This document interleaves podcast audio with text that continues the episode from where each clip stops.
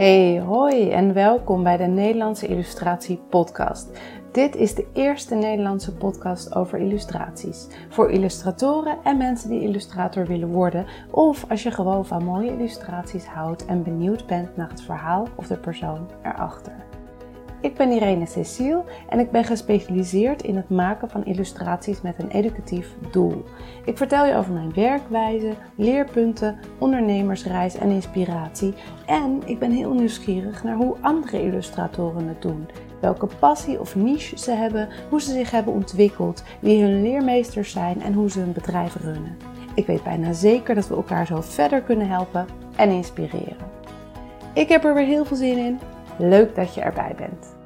Nou, welkom weer bij de Nederlandse Illustratie Podcast. Ik praat vandaag met Anne Jorinde Kuiper, uh, oprichter van Gouden Lijntjes. Ze is begonnen als handletteraar en illustrator, geeft inmiddels online cursussen en heeft een online community. Um, ze heeft een boek geschreven, Handlettering en Illustratie, en een bullet journal dat erbij hoort. Ze is tekenexpert bij Koffietijd. Um, ze heeft een heel team om zich heen. Nou, een heel team. We gaan het er zo over hebben. Um, en je hebt een poes, noedel. Je laat je thee heel vaak koud worden, waarschijnlijk straks klopt. weer. Hij staat nu koude thee naast me. Ja, klopt. Heerlijk.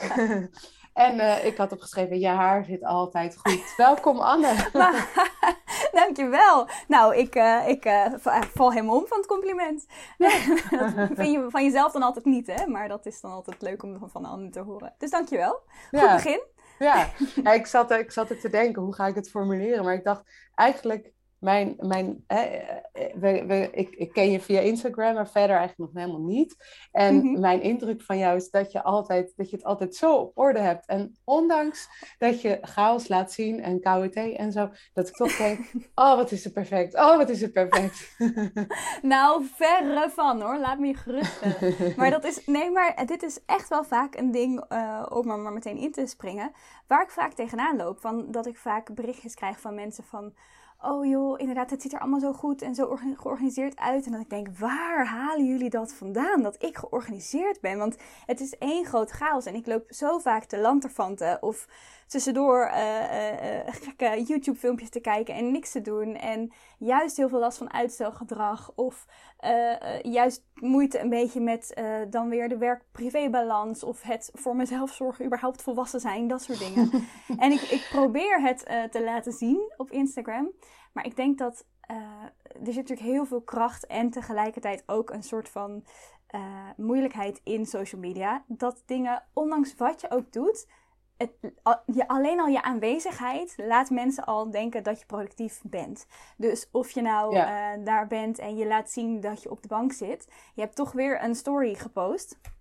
Dus, uh, en, en, mensen onthouden natuurlijk alle uh, key points van, dat je gaat, van, van iets wat je doet. Bijvoorbeeld als ik tien keer per jaar post dat ik heb, ben gaan hardlopen Um, dan, is dat, uh, dan denken mensen, oh ja, jij bent diegene die altijd hardloopt, want ze hebben dat tien keer gezien. Ja. Terwijl eigenlijk is het dan dus minder dan één keer per maand dat ik misschien een, hal, een half uurtje weet je, naar buiten ben gegaan. Ja, als we ervan uh, dus uitgaan dat jij iedere keer als je hardloopt daadwerkelijk dat op Instagram zet. Het kan dat, ja, je, dat, hè, dat, je, dat je wel iedere dag gaat, maar dat je maar sporadisch op uh, post. Dat, dat kan natuurlijk zeker, ja. Dus, maar dus mensen vullen dat toch ja. in. En uh, ik probeer daarom juist ook heel bewust de faalmomenten, de, uh, de onzekerheden, het luien te laten zien.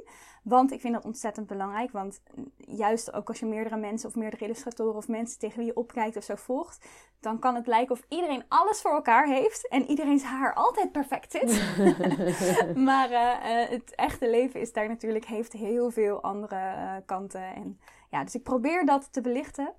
Maar uh, ja, zo komt het wel eens anders over. Precies, ja, dan denk ik toch weer dat het. Uh... Nee, ja, maar het, ik, ik zat ook te denken, want inderdaad, wat je zegt van de, je, je belicht de chaos en toch ziet het er heel goed en gestroomlijnd uit allemaal. Nou, wat ondanks, fijn. Wat ondanks fijn. de chaos, maar ja. Hey, vertel eens, hoe is, jouw, hoe is jouw achtergrond? Want je hebt uh, gestudeerd aan de Universiteit van Utrecht. Het, je, ging, hè, je ging je, je rationele je hoofdkant voeden en nu ben je illustrator. Hoe is dat? Hoe is het gekomen? Ja, klopt. Ja, ik ben uh, best wel een uh, een nerd. Ik hou heel erg van leren. Ik, dat was ook denk ik wel altijd mijn veilige plek, want ik haalde altijd heel erg goede cijfers. En ik was altijd een beetje het brave grijs muisje op de achtergrond. En uh, haalde gewoon, ik, ik haalde mijn identiteit, identiteit uit goede cijfers. En daardoor dacht ik ook heel erg van, oké, nou, zoals het hoort. Als je, als je alles maar doet zoals het hoort, dan komt het goed. Dus ook dat pad volgen van, je doet eerst VWO, dan ga je naar de universiteit. En dan ga je een master doen. En dan ga je op ergens een baan van 9 tot 5 werken, weet je, dat soort dingen. Ik dacht zelfs, ik was mijn dertiende vegetariër geworden en ik dacht, ja, maar oké, maar op een gegeven moment moet je weer normaal doen, weet je. Dus zeg maar op je 27 of zo, als je volwassen bent en kinderen gaat krijgen, dan, dan moet je gewoon weer vlees gaan eten, want weet je, dat soort dingen. Dus ik dacht heel erg, ik, ik weet niet, want mijn ouders zijn best wel een soort van vrij, dus ik weet niet waar ik dit idee vandaan haal, maar ik dacht, oké, ik moet studeren. Ik wist helemaal niet wat ik wilde studeren. Uiteindelijk dacht ik ergens, in de trant van, uh, oké, ik wil de wereld een betere plek maken en dan beginnen we met, met kinderen, heb ik dan uh, pedagogiek gekozen, pedagogische wetenschappen. Was niks voor mij. ik haalde zesjes. Ik was ontzettend aan het, uh, um, ja, de kantjes ervan af aan het lopen, maar ik was ook nog niet assertief genoeg om dan bijvoorbeeld te stoppen met de studie of een andere daarnaast te doen of dat soort dingen. Dus bachelor wel gehaald, daarna in een diepdal, want hele identiteit, een soort van, oh nee, het studeren was het toch niet en dit was het plan, dus wat nu? Paar bijbaantjes gehad. Uh, toen trouwens voor het eerst aan het eind van de twee jaar uh, bijbaantjes een pen opgepakt. Dat was in 2014. En toen in 2015 uh, eh, begon ik aan nog een master, want die vond ik dan heel erg leuk. Interculturele communicatie. Dus twee, master, twee jaar, een pre-master en een master. Um, maar inderdaad, ook al vond ik dat heel erg leuk, interculturele communicatie. Ik zeg altijd cultuur en communicatie zijn ongeveer de twee breedste begrippen die je kan nemen. En dan ook nog zeg maar dat samen. Dus het is meer een soort van brede algemene ontwikkeling. Ik vond het echt heel erg leuk. Maar ondertussen uh, was ik dus een beetje um, gaan letteren. Want het begon inderdaad allemaal met letteren. En ik weet nog dat voor mijn uh, mijn uh, master diploma uitreiking kreeg ik van mijn ouders een beamer. Ze uh-huh. zeiden, hier alsjeblieft, dan kan je misschien nog eens een keer een muurschildering maken. En um, succes met dit nieuwe hoofdstuk. dus dat was heel erg leuk. Dus dat was 2016 dan. en uiteindelijk duurde het nog even hoor. Wat was het dan ja. een, een, een, een wens van jou dat je dacht, ik, wil, ik zou wel een beamer willen? Of was het meer dat je ouders dat zagen en dat jij dat nog niet zo zag? Mijn ouders zagen dat. En ik, dat is sowieso is dat wel een terugkerend uh, ding. Dat mijn omgeving veel eerder zag dat ik creatief was dan ik. Ik, ik geen idee. Ik, ik heb dat nooit gezien. Ik, ik haalde altijd sessies met tekenen. En dit, uh, dit verhaal vertel ik vaak omdat veel mensen zich erin herkennen. Dat ik zo'n vriendin naast me had bij tekenen op de middelbare school. Die altijd tienen haalde. En ik deed dan echt mijn best op een tekening. Dan was ik helemaal tevreden. En was het een mager zesje. Weet je, dat soort mm -hmm. dingen ja. helemaal onzeker. Ik kan dat niet. Uh, dat, dat gebeurt nooit. En um, uh, dat met dat letters tekenen, dat was dus ja, letter, handletteren, letters tekenen. Dat, dat was echt een beetje een houvast uh, van, joh, het hoeft niet een perfect lijkend gezicht te zijn. Een letter kan ik al maken, want ik kan schrijven. Dus als ik daar een beetje aan tweak, een beetje aan fine-tune, een klein beetje aan draai, ja. dan, uh, dan het, het, eigenlijk de eerste de eerste paar, uh, paar stappen zijn al gezet. Dus dat voelde heel erg fijn en veilig. Anders dan tekenen. Maar nog steeds vond ik mezelf niet creatief hoor. Toen de eerste uh, tijd. En ik had toen. Ik zit even een beetje met wanneer de volgorde was. Ik denk dat inderdaad in april 2016 ik dan mijn eerste opdrachtje heb gekregen. En dan in oktober 2016 ik dan waarschijnlijk slaag. Dus dat was het waarschijnlijk. Had ik voor mijn eerste opdracht. Was een, was een muurschildering. En uh, daar had ik waarschijnlijk een beamer geleend. Misschien had mijn, hadden mijn ouders dat nog ergens staan. Of van mijn vaders werk of zoiets. Dus misschien dat mijn ouders daarom dachten: joh, dit, dit vind je wel leuk. Uh, ga hier maar iets mee doen. Maar zelfs toen had ik nog niet het zelfvertrouwen van: oh, dat, dat wordt echt iets. Ik ga ooit iets creëren, een creatieve carrière.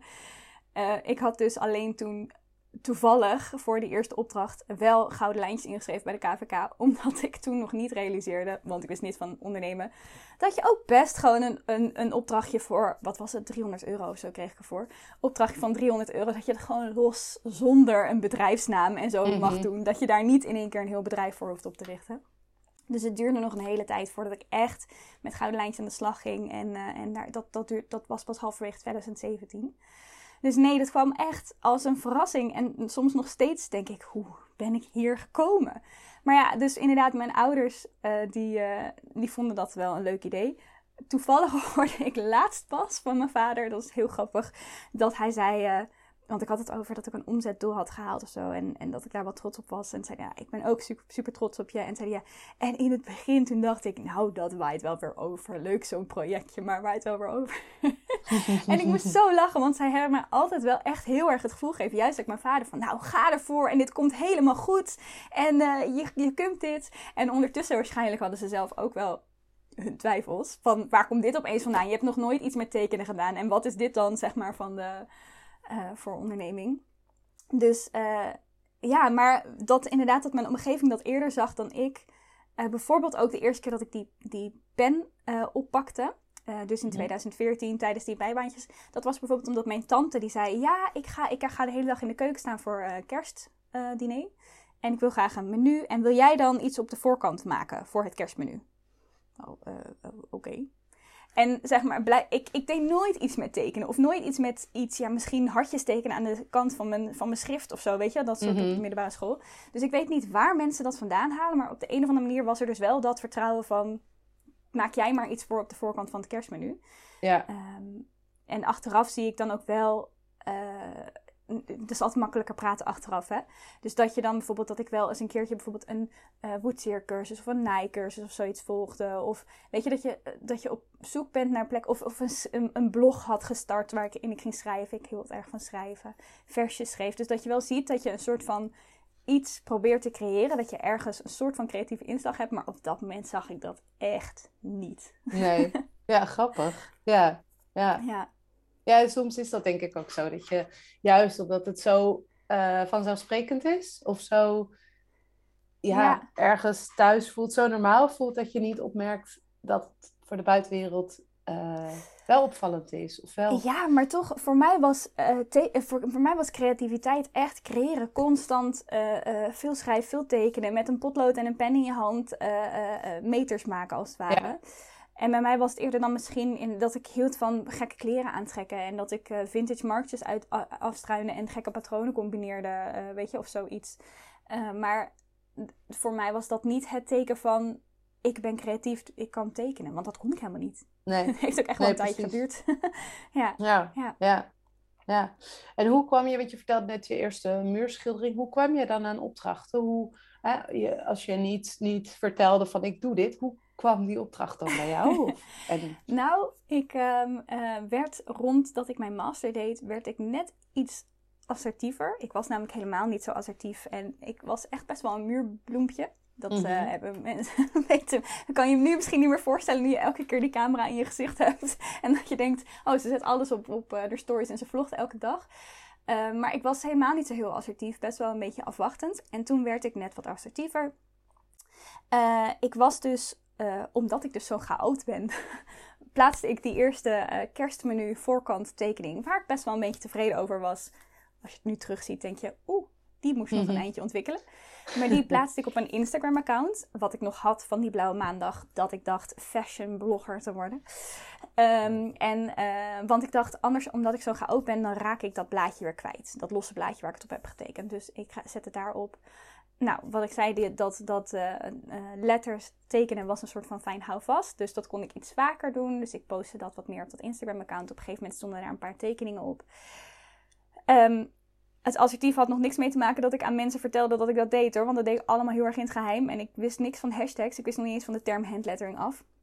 Maar wat wel was, was dat ik op zondagavond altijd, eh, heel vaak was ik onderweg naar een etentje en luisterde ik altijd radio. En er was een bepaald radiosegment op Q-Music geloof ik of zo. En dat heette Schatje, ik maak een ster van je. En dat was altijd iemand en die, die, eh, die eh, gewoon een normaal Instagram-account als in die tijd, foto's van je eten en zo. Maar dan noemde ze je op de radio en dan moesten mensen je gaan volgen en jij terugvolgen en weet ik veel. Kregen mensen altijd 50 volgers erbij. Ik dacht, weet je wat, ik ben begin wat assertiever te worden. Ik denk, en weet je wat, ik stuur een, sms'je even met mijn Instagram-account daarheen. Maanden niks van gehoord. Op Valentijnsdag, nota bene, 2016, werd ik gebeld door iemand van de radio. Eh, ik denk, dit is een grap. Krijg ik nou een geheime aanbidder of zo? Ik weet niet wat er, wat er nou komt. Maar toen zei die dus, die host, die zei van... joh, ja, ik heb jou eh, eigenlijk heel lang in de kast laten liggen. Want ehm, ja, ik weet niet zo goed wat ik ermee moet, want je gezicht staat er niet op. En uh, ja, wat, al die letters, wat moet ik daarmee? Um, en hij zei, ik had alleen nu voor deze uitzending had ik niemand. Dus we gaan het maar proberen, maar verwacht er niks van. Meestal komen er iets van 50 volgers bij. Um, ja, wees blij met 10. En we hadden bedacht dat ik dan in de uitzending of tijdens dat kwartiertje dan een van zijn quotes ging letteren of zoiets. Nou, er zat een vriendin, zat op dat moment naast me om te, om te refreshen. Terwijl ik heel hard zat te pennen. heel hard zat te tekenen. Want wie maakte nou in een kwartier een mooie quote? Ja. Maar goed. Uh, uh, en uh, ik kreeg er in één keer duizend volgers bij of zo. Nou, voordat ik, voordat ik honderd had, was dat echt best wel veel. Het probleem was ook dat ik iedereen moest terugvolgen. Mijn Instagram-account werd geblokkeerd. Ik kreeg alleen maar haatberichten over mensen. Ja, je volgt me niet terug. Nou, natuurlijk allemaal mensen die je helemaal voor de verkeerde redenen gaat volgen. Maar er zat ook, luisterde er iemand naar die uitzending, uh, die dus net bij een verbouwing van een, van een pand zat. En die zei: Hey, uh, ik hoorde iets uh, op de radio en ik zag dat je iets met letters doet. Doe jij ook muurschilderingen? Ik natuurlijk. ja, natuurlijk doe ik muurschilderingen. Doe ik al jaren, ja. Dat doe ik, dat, uh, dat komt helemaal goed. Ik ren even uh, snel naar de KVK, maar... Ja, precies. Ja. precies, zo ging dat een beetje. Dus um, ja, nee, ik probeerde echt daarin wat assertiever te zijn en gewoon maar ja te zeggen. En dat is gelukt en zo kreeg ik dus mijn eerste opdracht. En inderdaad toen... Nou ja, wat ik zei, ik deed dus niks. Het was letterlijk alleen maar dat ik een beetje met een fineliner op kopieerpapier af en toe een quoteje letterde en dat was het. En toen opeens stond ik daar met een grote beamer een muur van 9 meter te, te doen. Mhm. ik weet nog dat hij dat hij toen, oh, ik weet niet, hij volgt me nog, dus ik weet niet, waarschijnlijk hoort hij dit misschien ook wel. Maar uh, ik, ik, ik wist toen nog helemaal niks. Nu werk ik inmiddels met markers en weet ik precies wat een goede ondergrond is. En weet je, of weet je wat je, wat je moet doen. Het was toen ook nog een muur met ontzettend veel textuur, wat heel moeilijk is. En ik had de oude kwasten van mijn vader. Jij kan ze zien, ze staan hier op de uh-huh. achtergrond. Maar de luisteraars kunnen natuurlijk niet, mee, uh, niet zien. Van die oude um, olieverfkwast had ik bij me. En uh, ik probeerde daarmee heel dunne lijnen te zetten, maar dat lukte natuurlijk niet. En ik weet nog dat degene die mij toen ingehuurd had, die zei... Oh, ja, ik dacht eigenlijk dat het heel strak zou worden. En het werd natuurlijk een heel erg hobbelige lijn met en een olieverfkwast en, en op zo'n getextuurde muur. Uiteindelijk werd het heel erg mooi. Ik heb natuurlijk gigantisch mijn best gedaan. Drie dagen werk voor 300 euro plus alles nog erbij en weet ik het. Mm -hmm. Dus um, uh, uh, het was... Um, het, het, was een heel erg fijne eerste leerschool. Ik ben ontzettend blij dat hij me toen uh, die kans heeft gegeven. En uh, ja, dat was inderdaad het moment dat hij zei: Ja, ik moet het wel uh, factuur kunnen sturen, dus kan het ook wit? Ik zei: Ja, nou dan ga ik me maar inschrijven. En zo is Gouden Lijntjes ontstaan. Het is een veel minder glamorous verhaal dan dat je nu misschien zou denken. Nou ja, en toen duurde het dus nog anderhalf jaar voordat ik echt dan Goudlijntjes een kans heb gegeven. En mm er echt mee aan de slag ben gegaan. Ik had toen trouwens ook nog, want een van die bijbaantjes was ook dat ik bij in een horecazaak werkte. En daar uh, mocht ik af en toe een krijtportje doen. Dus dat kon je dan ook erop zetten. Dus voor hem ook af en toe. Maar dat deed ik dan gewoon tegen mijn, uh, gewoon mijn loon wat ik daar had. Ja. Dus uh, dat was niet voor, voor goudlijntjes geloof ik per se. Dus zo rolde dat er een beetje in. En verder, dus als je dan weer een tijdje verder springt naar eerste opdrachten. Want eigenlijk, dat was de eerste, maar daarna mhm. duurde het dus lang. Uh, dan was het vooral uh, via Instagram en vooral heel veel rondroepen. Niet alleen maar via Instagram, maar tegen mensen van ik ga, uh, ik ga dit nu doen. En ik word heel erg blij van dit en dat. Dat is misschien wel een van de beste tips die ik ooit van iemand heb gekregen. Ook een beetje in dat twee tussenjaren bijbaantjes. Help, ik weet niet wat ik wil. Mijn studie is gefaald. Wie ben ik eigenlijk? Um, toen ben ik één uh, keer naar een, een, coach gegaan. En, uh, gewoon een, een, een, sessie van een uurtje. En zij uh, vertel, gaf mij een heel erg goede tip om als je niet weet wat je leuk vindt om te doen. Of niet weet wat je wil doen. Dat je dan gaat roepen wat je leuk vond om te doen. Ja. dus bijvoorbeeld, en ik weet nog dat ik daar heb gezegd ik werd volgens mij een keertje, een vriendinnetje van mij werkte ook in een horecatentje en die mocht iets op de ramen uh, tekenen. En mhm. dan, uh, toen zei ze, oh wil je anders gezellig uh, komen, dan krijgen we gratis lunch en dan kunnen we op de ramen tekenen. En ik weet nog dat het rond die, rond die tijd was en dat ik zei, nou ja, ik vond het bijvoorbeeld heel erg leuk om dat te doen. Maar ja, daar kan je je werk niet van maken natuurlijk. en ja, ik was toen denk ik 21 of zo, dat is al 11 jaar geleden. Dus dat, dat, dat was echt heel erg ver ver weg. Ja, maar je uh, zei het dus wel. Dus je zei wel aan mensen, ik vond dat heel leuk om te doen. En, en dat, hielp, dat zei ik toen nog niet heel erg. Want dat, ja, dat, dat, kwam iets over. Misschien was ik 23 of zo. Ik denk dat het na, een stukje na de studie voor de master was. Maar het, dat is later wel steeds meer teruggekomen. Dat ik dacht van, oeh, ik vind het heel spannend om mezelf te verkopen. en te claimen dat ik ergens goed in ben. Want ik ben maar autodidact. Ik leer dit mezelf aan. Maar dat je in ieder geval zegt van, joh, ik vind dit in ieder geval heel erg leuk om te doen. Je kan me hier wakker van voor maken en ik help je hier graag bij. Ja. En uh, dan blijf je toch een beetje bij mensen in hun achterhoofd hangen. Dus dan kwam er een keertje: hey, jij vond het toch leuk om kaartjes te maken? Ik ga trouwen en uh, ik, wil, ik zoek nog iemand. Ja. Uh, en, en zo rolden al die kleine opdrachtjes binnen. en toen heb ik ook nog wel een flinke dosis geluk gehad. Um, ik, toen in 2017 ik merk trouwens dat ik erg. Eh, het is, ik ben heel lang van stof altijd, hè, als je tussendoor denkt. Joh, Helemaal we, goed, we moeten iets anders. Ik uh, steek een of andere monoloog van wel, maar het is natuurlijk allemaal. Het hoort bij één um, verhaal in proces. Alles is natuurlijk. Het begin is niet van de een op andere dag, maar het hoort allemaal een beetje bij elkaar. Maar toen in 2017, toen ik echt begon en dat dus echt ben gaan verkondigen van ik, ik doe dit, ik vind dit leuk, ik ga nog assertiever zijn en mezelf overal in de markt zetten. Um, toen uh, ben ik dus dan maar gewoon vriendinnen gaan optrommelen. Gezegd, joh, ik moet foto's hebben van dat ik een workshop geef. Uh, jullie mogen uh, workshop handlettering bij mij testen. Mijn moeder maakt foto's, super cute. Dat was ook echt heel schattig, want ik had helemaal bloemetjes klaargezet. En, en op, de, op de tafel, die mijn moeder dan vervolgens weer opzij, want kon de foto's niet. En het was helemaal een, een, een, een team effort. En ik daar met knikkende knietjes voor twee handvol vriendinnen uh, een workshop gegeven. Mijn eerste workshop handlettering die ik daarna ook echt nog uh, op die manier een aantal keer heb gegeven. Foto's van mijn vriendinnen gemaakt, maar een website van één pagina gemaakt en, en, en daar dan... Of ik heb visitekaart laten drukken.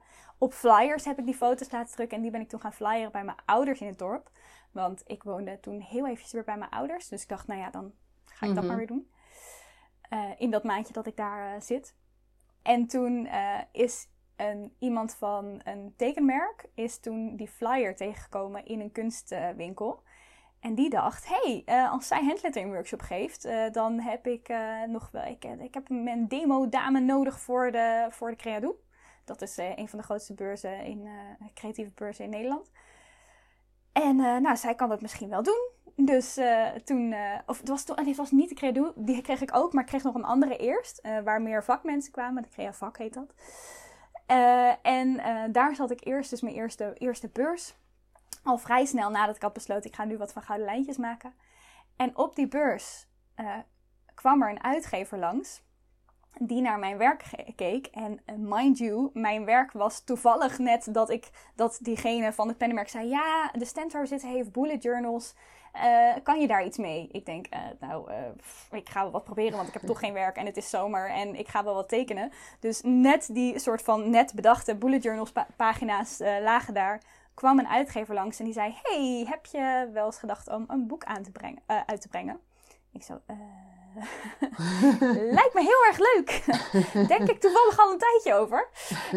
en toen, een maand later, was ik bij de uitgeverij en had ik een boekencontract.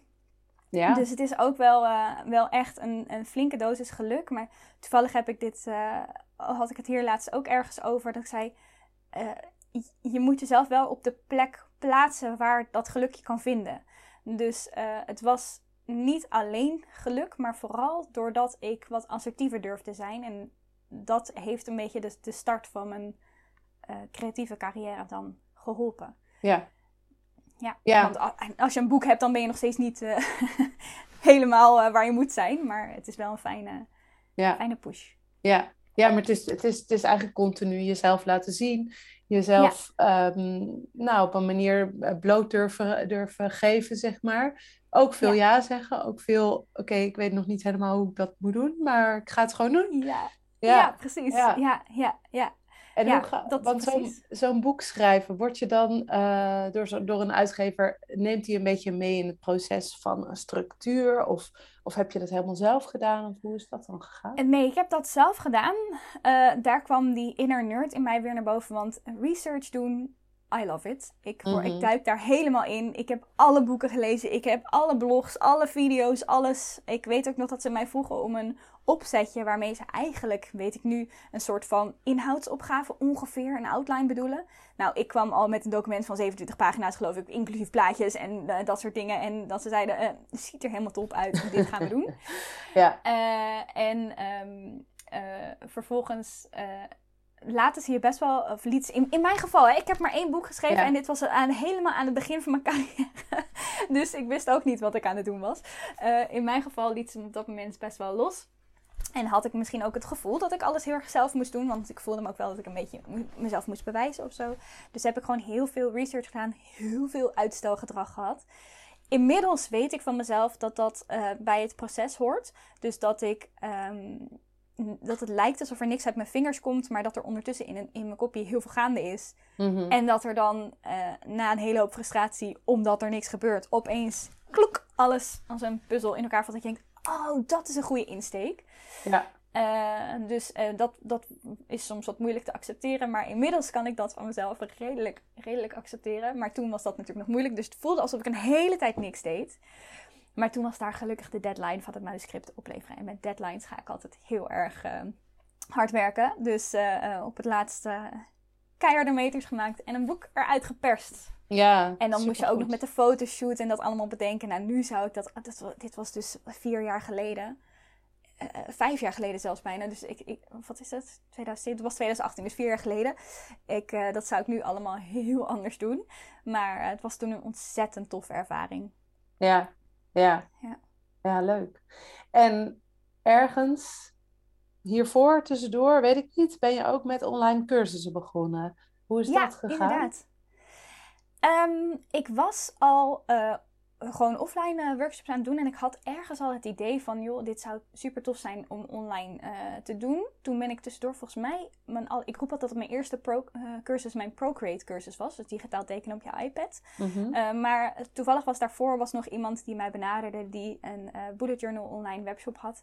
En die zei, hey, wil je dat niet samen met mij een, een online cursus doen? En ook daarbij dacht ik meer, weet je wat, we zeggen gewoon ja. Want anders dan blijf je plannen soms zo lang... Uh, uh, uh, uitstellen. En Ja. dan heb je elke keer in je idee hoe het perfecte plaatje is dat jij er zelf uit moet gaan persen. En dan blijft dat idee ontzettend lang op de plank liggen. Dus ik dacht, weet je wat, dan heb ik nu weer een externe deadline. Dus met haar heb ik toen een kleine bullet journal eh, cursus eh, gemaakt.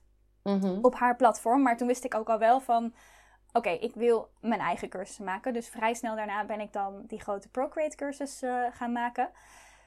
Oeh, wat een werk was dat. Dat was eh, wel een flinke kluif. Ehm, eh, dat is misschien wel een leuke primeur, dat die nu ehm, vernieuwd gaat worden. Dus eh, Oh, die, dat goed. was dus mijn eerste cursus. Dus ik heb die in eh, 2019 eh, opgenomen en gelanceerd. En nu ga ik hem helemaal vernieuwen, gewoon omdat ik het wel tijd vind. Ik heb veel geleerd in die tussentijd. Ik heb wel altijd de cursus geüpdate.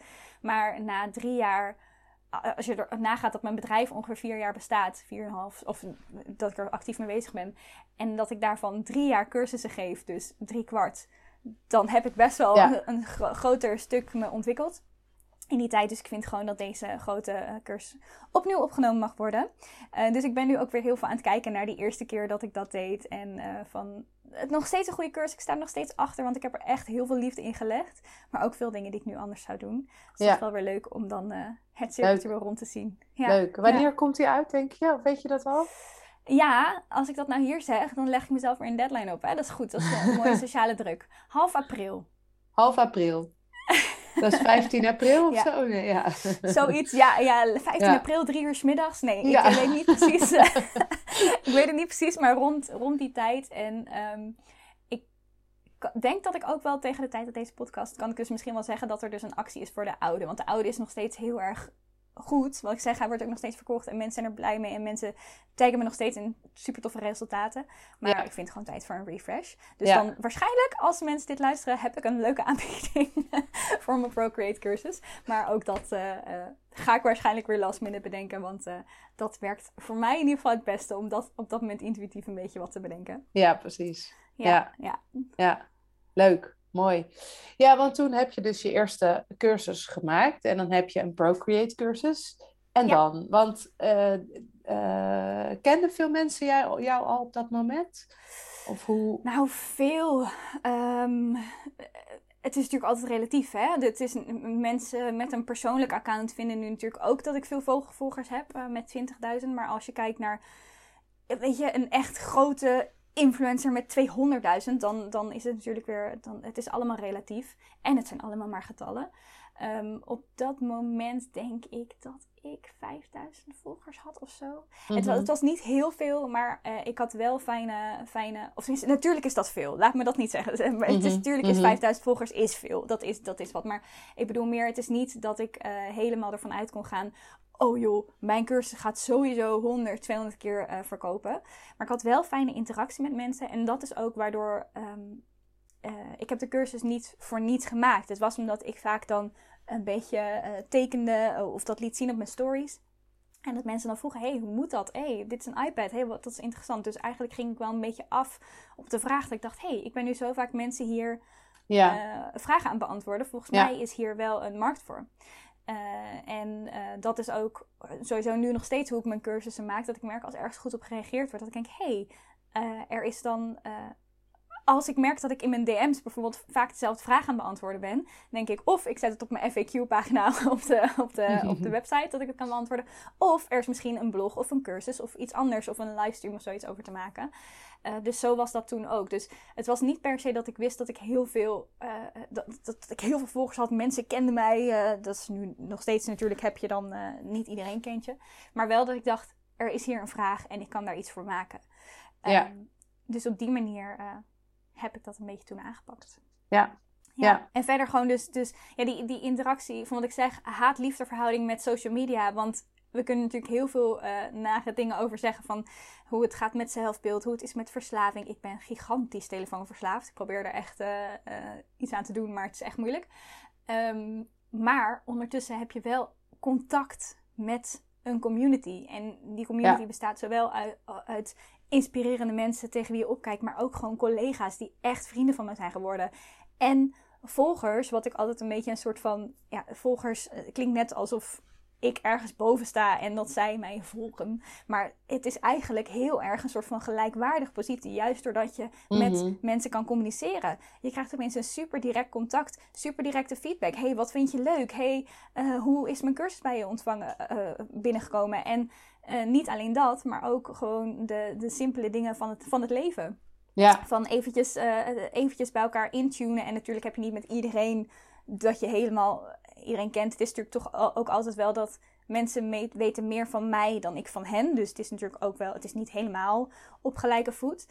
Uh, maar het voelt wel heel erg persoonlijk en, en daarmee uniek en ontzettend waardevol. Dus uh, dat vind ik wel heel erg bijzonder van, uh, van social media. En neem je zeker mee in het beter maken van je diensten en je producten. Ja, ja. ja precies. Ja. Mm -hmm. ja, en ik kan me ook voorstellen dat dat heel fijn werkt. Inderdaad, als je al zo'n goede persoonlijke relatie hebt met een groot deel van je volgers, um, dan is die stap voor mensen om jouw cursus te kopen veel kleiner. Ja, nou ja, en, en ook wat ik denk dat echt uh, werkt, om het maar even zo te zeggen, is, dat heb ik, vind ik zelf namelijk ook heel erg leuk bij andere mensen, is als je het proces ziet, dan ben je veel meer geneigd om dan het product ook te willen. Ja. Uh, dus dat klinkt nu eventjes heel erg berekenend en marketingachtig. Maar ja, als puntje bij paaltje bij komt, dan wil je natuurlijk toch je, je, je product verkopen.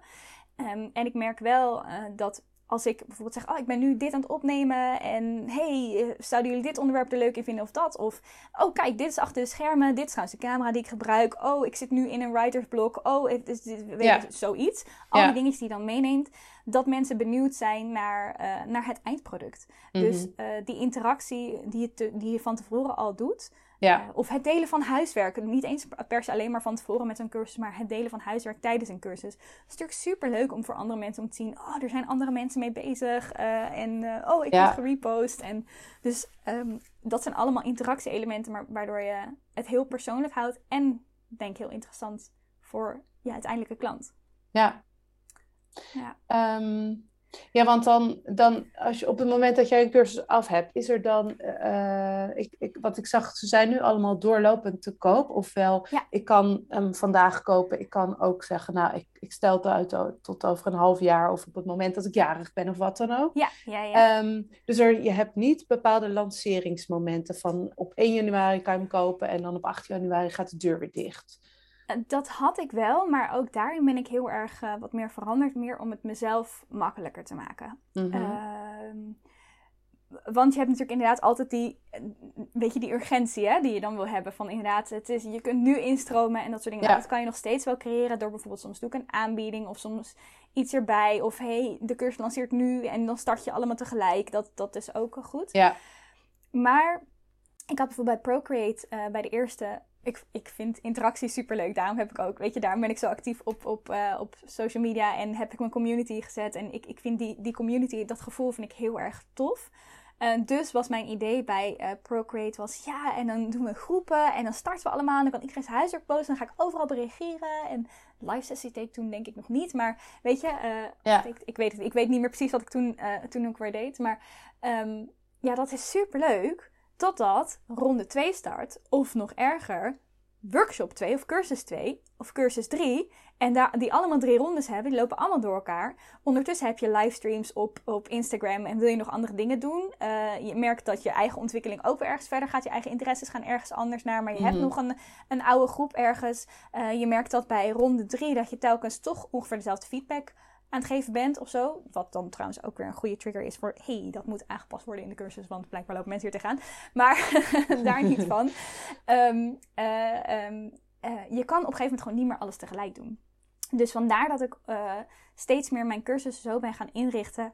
dat mensen het helemaal zelfstandig kunnen doen.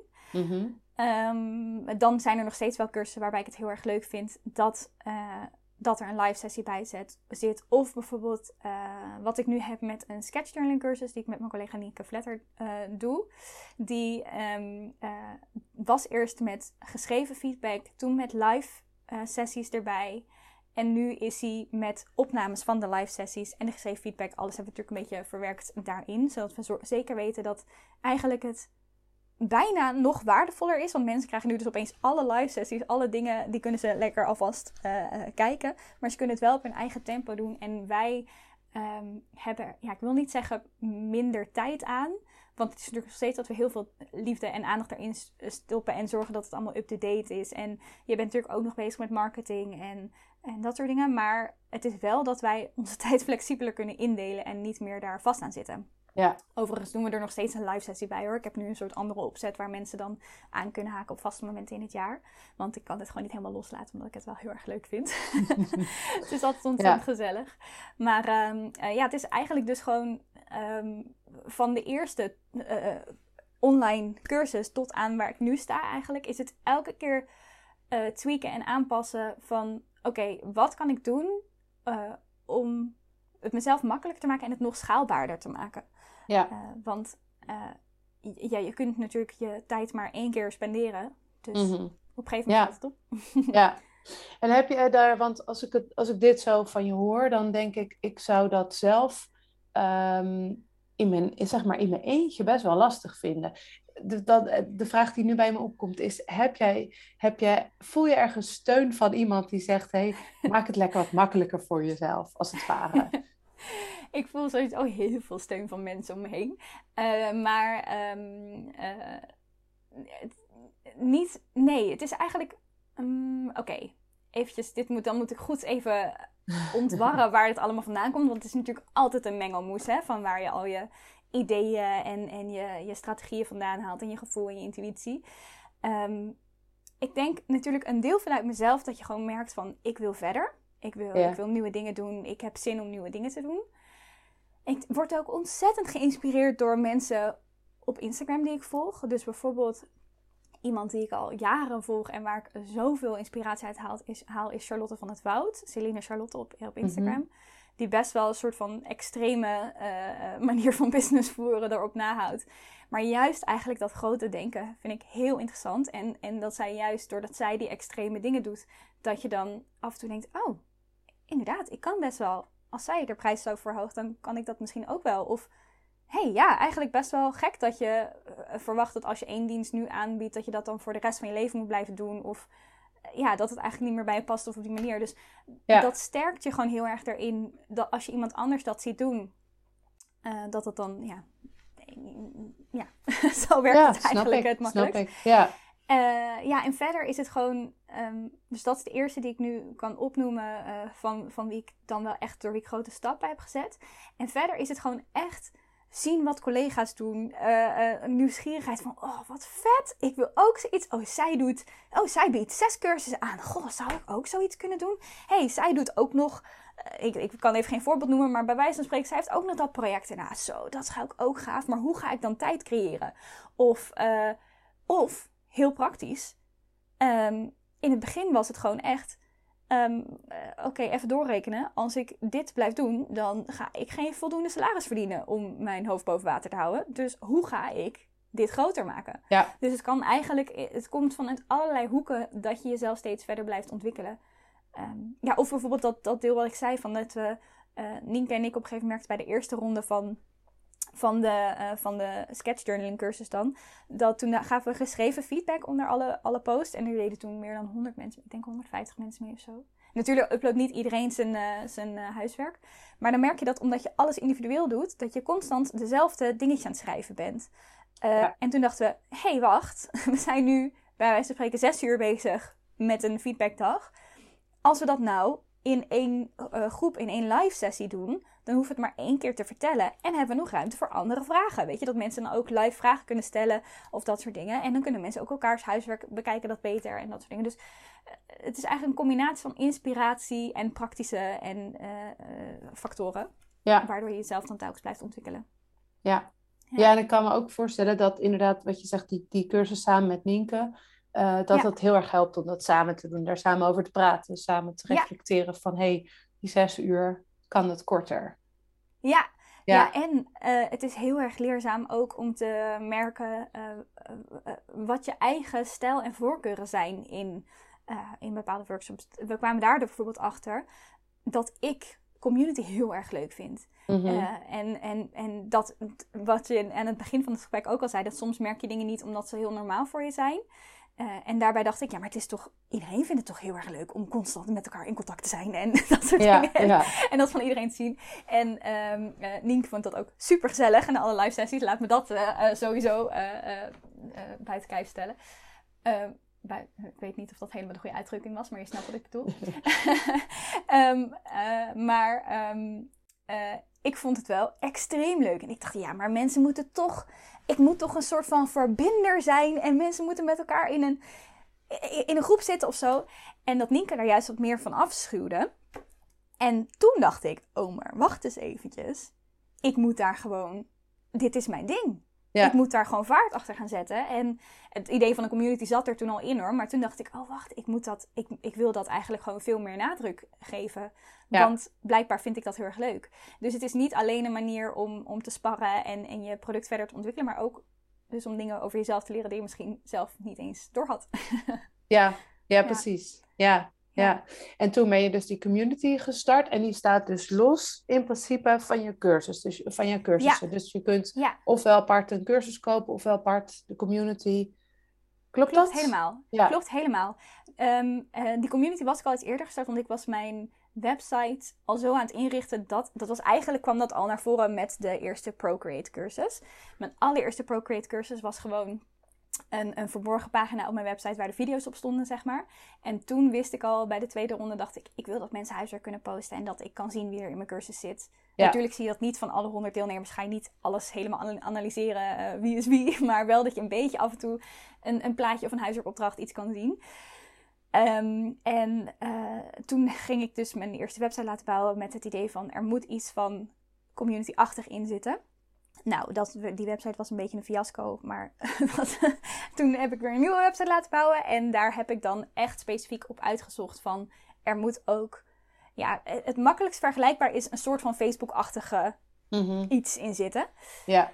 Um, en dat was al voordat ik met, uh, met Nienke de sketchjournaling uh, cursus ging, ging doen. Dus ik had het zelf al in mijn hoofd. Maar toen wist ik wel daarna van... Oké, ik wil dit echt een maandelijks ding maken. Of het groeide allemaal een beetje samen. Het werd meer dat ik gesterkt werd ook in mijn idee van... dit is gewoon echt heel erg fijn. Misschien ook dat ik de live sessies... want ik doe twee keer per maand in mijn community een live sessie. Het is inderdaad zo, laat me eventjes een stapje terug doen. Je kunt of gewoon los cursussen bestellen. En uh, dan heb je soms ook delen, uh, toegang tot bepaalde groepen in de community wat bij een cursus past. Maar in principe zit je dan niet in de community.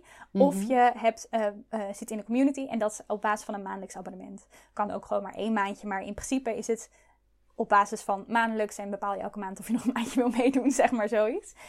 Uh, en dan krijg je maandelijks uh, nieuwe content, nieuwe inspiratie. Maar kan je dus ook juist heel erg met mensen uh, verbinden, huiswerk delen, kletsen. We doen twee keer per maand een live sessie. Dus het is veel meer, draait het nog om de verbinding.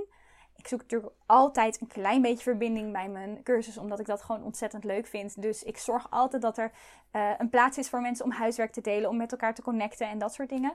maar het zijn wel echt twee verschillende dingen. Mm -hmm. en, en zo is dat een beetje los losgegroeid. Dat en Ja. het maandelijkse community deel en de, de losse cursussen. Dus zodat iedereen dat zelf een beetje kan invullen van wat die, waar die behoefte aan heeft. Wil ik echt alleen maar een cursus vo- eh, ehm, eh, volgen en ben ik daar heel erg goed in, in mezelf, zelfdiscipline? Of heb ik bijvoorbeeld af en toe even een stok achter de deur nodig en wil ik misschien wel die community doen om eh, wat meer tijd te maken voor creativiteit?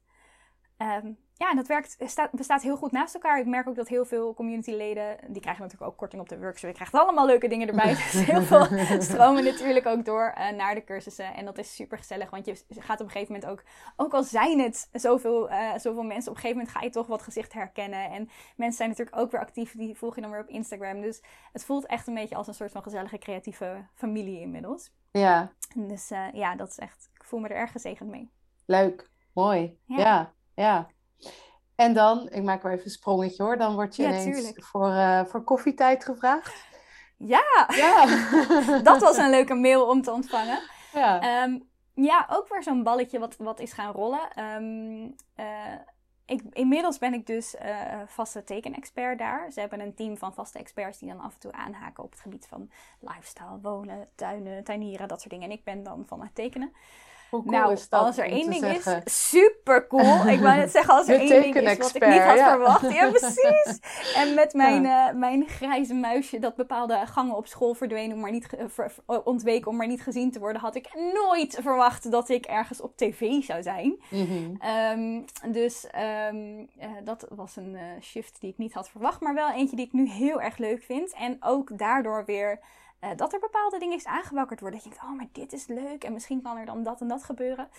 Eh, maar dat was inderdaad ook niet van de een op de andere dag dat ik opeens tekenexpert was, maar meer dat er een balletje ging rollen van een van hun redactieleden. Had ooit op een beurs een bullet journal workshop van mij gevolgd, dus ook alweer way back. Eh, was mij gaan volgen in, in mijn gedachten, of ik was in haar gedachten blijven hangen. Ze hadden een keertje iemand nodig voor een online tipje, zoiets leuk, weet je, voor op de Facebookgroep. Toen werd dat, eh, hey, wil je misschien een online tipreeks doen? Ja, natuurlijk. Hey, wil je misschien in je studio die online tipreeks aankondigen? Ja, natuurlijk. Hey, is het misschien leuk als je in de studio dan een demo doet, zeg maar zo'n online tip geeft? Ja, natuurlijk. Hey, we vonden dat je dat zo leuk deed. Wil je dat misschien vaker doen? En hey, wil je volgend seizoen misschien onze vaste tekenexpert worden? Eh, dus dat eh, balletje rolde lekker door. En eh, ja, dat eh, ik, ik eh, ook weer iets waar ik me super gezegend mee voel. En wat een ontzettend leuke kans en uitdaging is. Maar ook iets ehm, waarvan, waar we het in het begin van het gesprek ook over hadden. waarvan mensen. Het lijkt natuurlijk ontzettend groot. Terwijl het is maar iets heel kleins van de werkzaamheden die ik doe. Dat is niet hetgene waarmee ik Nee. het meest van de maand mee bezig ben. Of het meest van de week of dat soort dingen. Dus ehm, eh, het, voor, voor mijn werkzaam, wat werkzaamheden betreft is het maar een heel klein ding. Maar omdat het natuurlijk een naam is en op tv, op RTL 4, dat mensen dan denken van wow, nu doe jij dit. Ja. Eh, terwijl eigenlijk is dat natuurlijk maar, eh, zie ik mezelf meer als de cursussen en de community. Dat ik dat verkoop en het koffietijddeel is een klein dingetje erbij. Ja.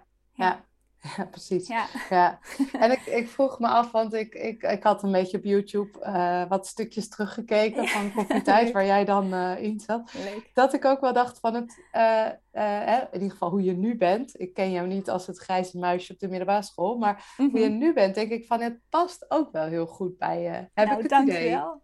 Dat vind ik leuk om te horen. Ik vind inmiddels ook dat het goed bij mezelf past.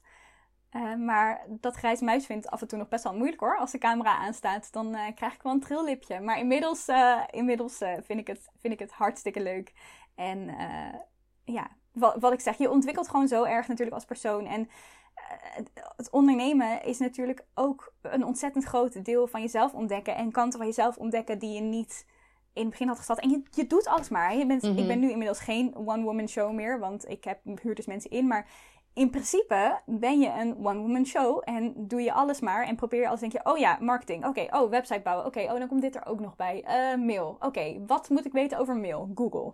Uh, wanneer is het handig om te sturen? Dus je gaat van alles leren. Je, ontwikkelt je zo breed. En nou ja, voor die nerd in mij vind ik dat natuurlijk gigantisch leuk. Dat je constant zoveel mag leren en zoveel uh, jezelf ontwikkelt. Zoveel kanten van jezelf ontdekt.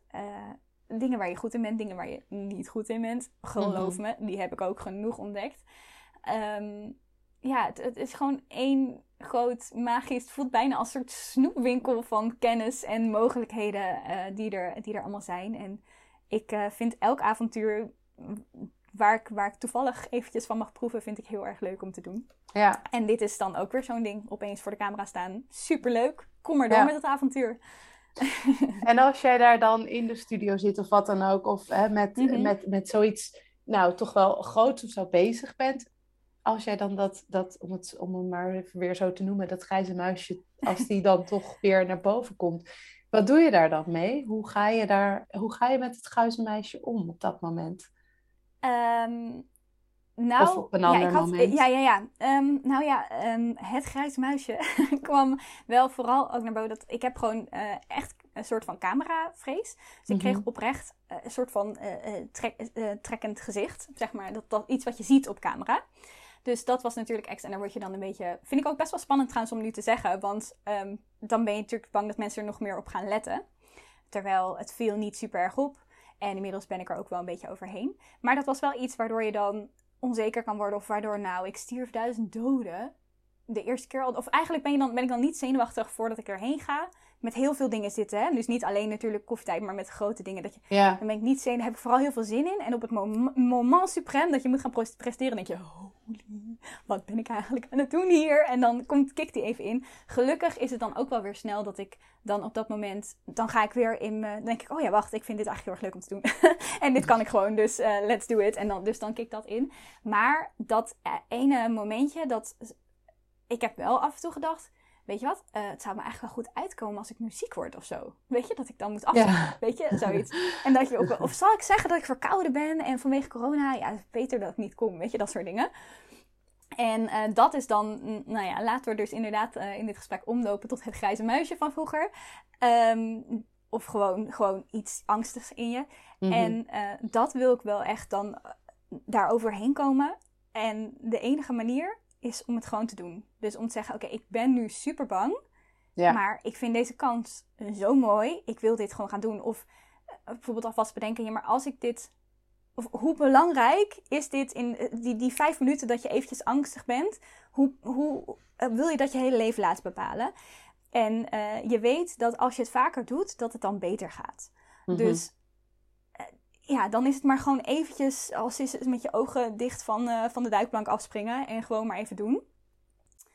En uh, dat gevoel daarna, van als je, dan mag je natuurlijk super trots op je zijn. Dat is het echt duizend procent waard. Dus ja, als iemand luistert en die ook zoiets heeft van, oh ik vind iets heel spannend of ik durf het niet. Misschien heb je niet dat trillipje wat ik heb, maar gewoon iets wat je waar je denkt, oh het zou zo vet zijn.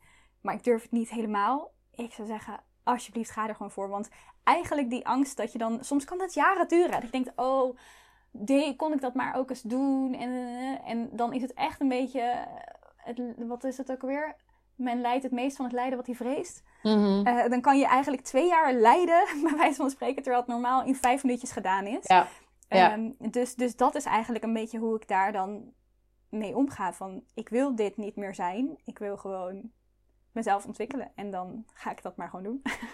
Ja. Zo, het klinkt zo simpel dan, hè? Maar... Ja, maar Het, is, het is precies, het is ook heel grappig, want ik heb er net uh, drie dagen geleden of zo een podcast over opgenomen. Een, uh, een, een oh, solo, solo podcast, ah, precies hierover. Um, en dan inderdaad, precies wat jij zegt, van kijken van wat is belangrijker? Is die angst belangrijker dan mijn Mhm. grotere doel, dan wat ik wil, dan wat ik, eh, waar ik naar verlang of waar dit eventueel naar kan leiden of zo. Ja. En dan En die waar heb jij droom, het dan bij? Iets, zo'n angst? Heb jij nog iets waar je overheen hebt gezet? waar heb ik het bij? Ja, ik, ik, eh, eh, bij, bij alle stappen merk ik dat wel. Ehm, nou, ik heb het nu bijvoorbeeld, dat merk ik. Ik heb dan ehm, een tijdje geleden heb ik zelf mijn eerste online cursus gemaakt over, en Ja. dat is dan meer op business eh, stuk van hoe vind je als illustrator je niche, dus je, je ja, illustratiespecialisatie. Ja? Ehm, die cursus was op een gegeven moment af. Toen heb ik hem laten testen door mensen. Heb ik hele positieve reacties gekregen. Een paar verbeterpuntjes. Nou, Mhm. eigenlijk is hij gewoon klaar. Hij is, hij is Ja. klaar. Mhm. Maar Mhm. nu is het moment om hem, om hem nou dan eh, hè, te koop aan te bieden. En te zeggen van jongens, hij is er. Ehm, kom maar op. Kom maar, kom maar lekker eh, wie het wil mag Ja, doen. spannend, maar ook heel erg Ehm, leuk. Precies, en daar, daar, merk ik, daar merkte ik dan op een gegeven moment van er zitten hier eh, best wel drempels, Hmm. wat, wat verkoopdrempels ook. Op een gegeven moment was het ook wel heel mooi hoor, dat iemand me spiegelde. ehm, dat iemand, dat, dat nou ja, een, een, een business buddy, om het zo even te zeggen, die zei tegen iemand met wie ik zelf, ik heb zelf business coaching, ik zit in een grotere Ja. groep. En iemand Ja. die daar ook bij zat, zij zei van, hè, dat, dat, dat, het verkoopstuk, het lanceerstuk, doe je dat wel op je eigen manier? Of zit je dat nu, heb je in je hoofd dat je dat op een bepaalde manier moet doen, omdat men dat op een bepaalde manier doet? En toen dacht ik wel, oeps, ja, daar heb je Ja. helemaal gelijk in. En dat had zij heel goed gezien. En dat ik toen ook dacht, oké, ik parkeer hem even. Mhm. even. Even geen druk. Ik had sowieso ook allemaal teken deadlines, dus Mhm, mhm, dat ja. ook allemaal. En Maar dat, is, dat, dat, hè, dat, dat ken je waarschijnlijk ook. Die teken deadlines, die zijn makkelijk. En daardoor geef Ja. ik die voorrang. Dat is soort van mijn... Zal ik muziek melden, want ik eh, kuch een beetje. Ja, ik heb teken deadlines. Dus het is een... Procrastinating working heet dat. Exactly. Ehm, maar dat Maar ik wat een wel... mooi inzicht. Ja, precies. En Dat ik het, eh, uiteindelijk kwam er toen ineens een, een, eh, eh, ja, een, een mooie ingeving van ik weet het. En dat ga, dat ga ik nu doen. Dat ik nu dacht van ik ga allemaal kleine podcastjes hieromheen opnemen. kleine interviewtjes met mensen, illustratoren die een hele specifieke niche hebben. Ook om meer, nou ik vind het super leuk om die interviews te doen. Eh, ik vind het heel leuk om mensen dat podium te bieden, maar ook om te Mhm. laten zien, er zijn dus heel veel mensen die een hele, hele specifieke niche hebben, waar ook ik nooit aan heb gedacht. Ja. En die er helemaal succesvol in zijn. En hoe gaaf zou het zijn als jij ook zo je specifieke, specifieke niche kunt. Dus toen, nou, dan valt het allemaal weer op zijn plek. En dan, eh, ja. Ja. Oh, wat fijn joh. En wat goed dat je dat eh, eigenlijk zo hebt doorbroken. En je cursus klinkt heel erg leuk. ik eh, ben er heel benieuwd naar.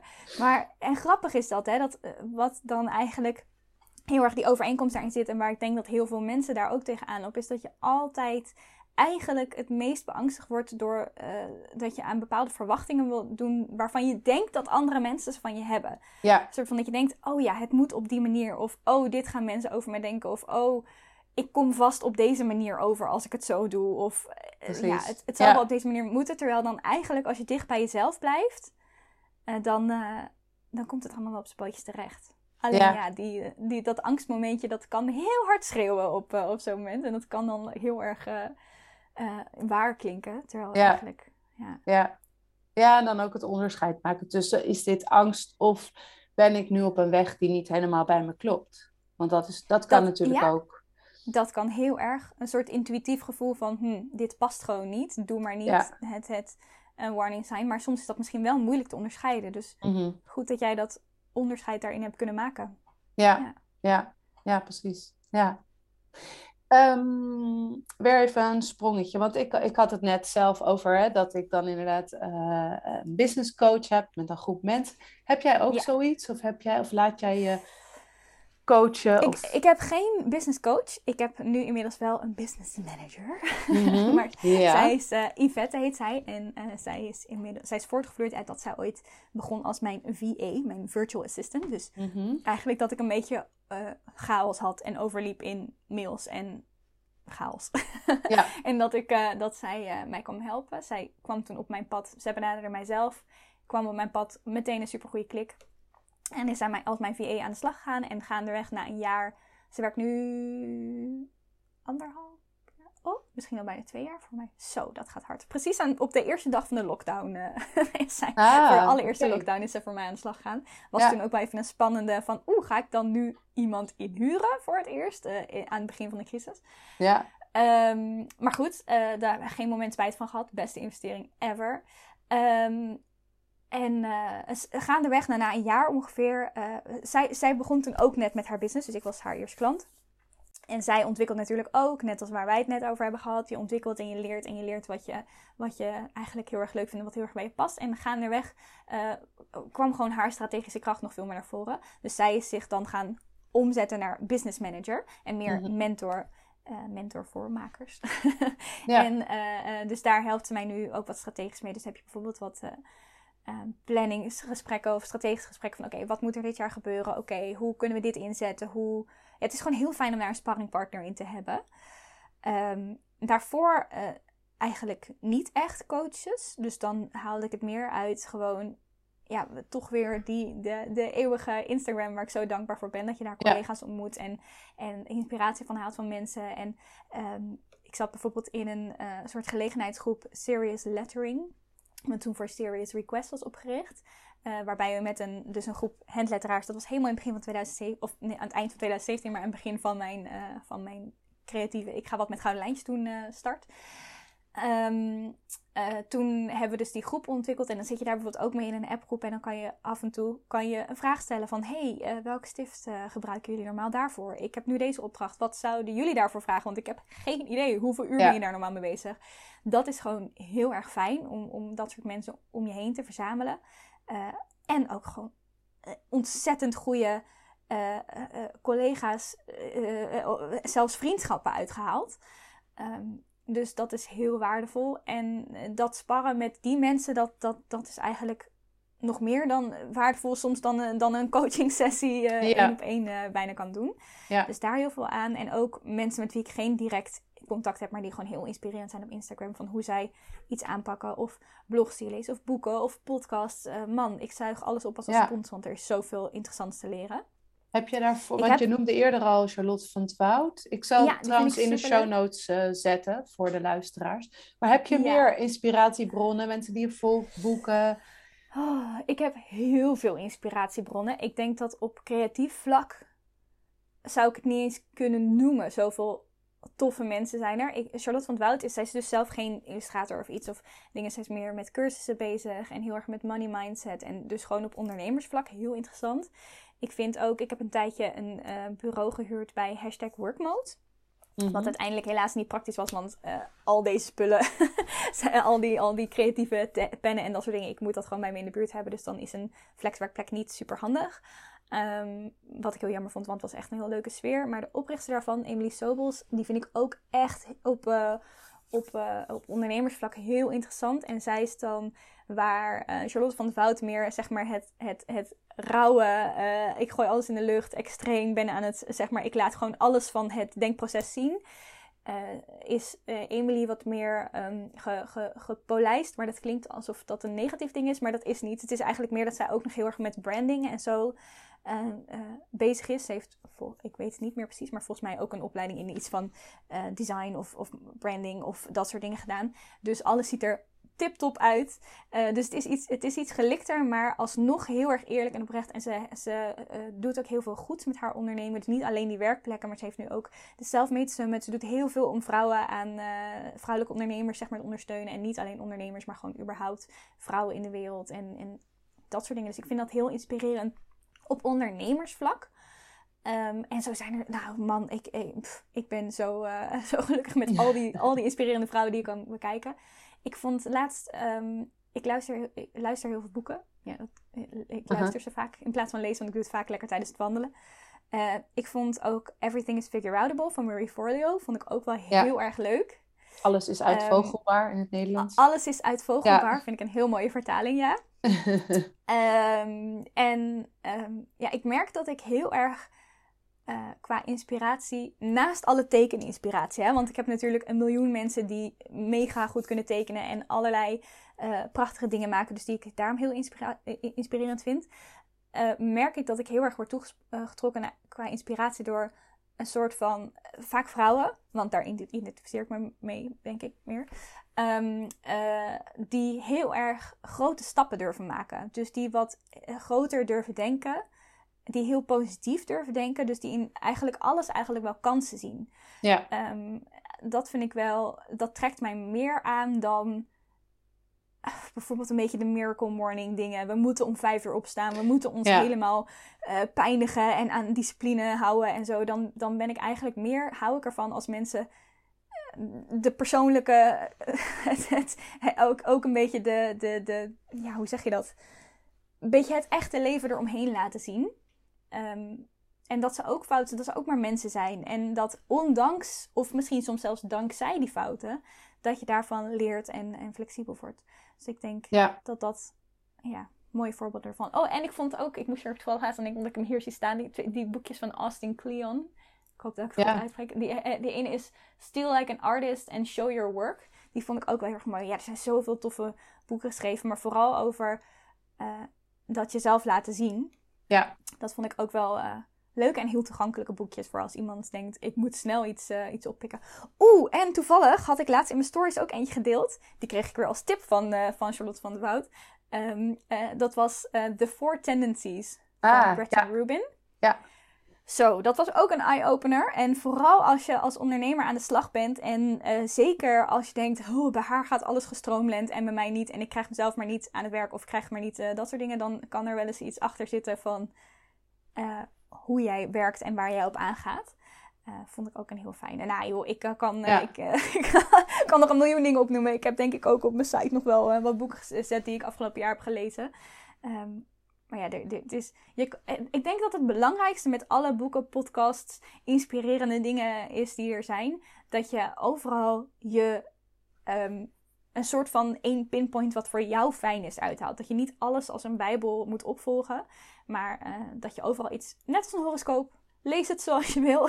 Ja, en haal er net uit wat bij je past. ja, precies. Ja. ja. Ja. leuk. Ik zet ze allemaal in de show notes. En nog eventjes over die laatste die je noemde, de Four Tendencies. Ja. Uh, daar, nou, ik, ik, ik ben er zelf ook helemaal fan van. En ik heb er daar ook toevallig een podcast over opgenomen. Nummer 25. Hoe je beter voldoet aan de verwachtingen van anderen. En je je vaker aan je eigen voornemens houdt reclame. Oh, leuk. Oh, die moet ik ook even terug gaan luisteren dan. Want het lijkt me heel interessant. Nou, dan, dan, weet je waarschijnlijk alles al. Maar uh, ja, wie weet. je nou, kan er altijd wat aan opsteken, denk ik. Is zo, klopt. Ja.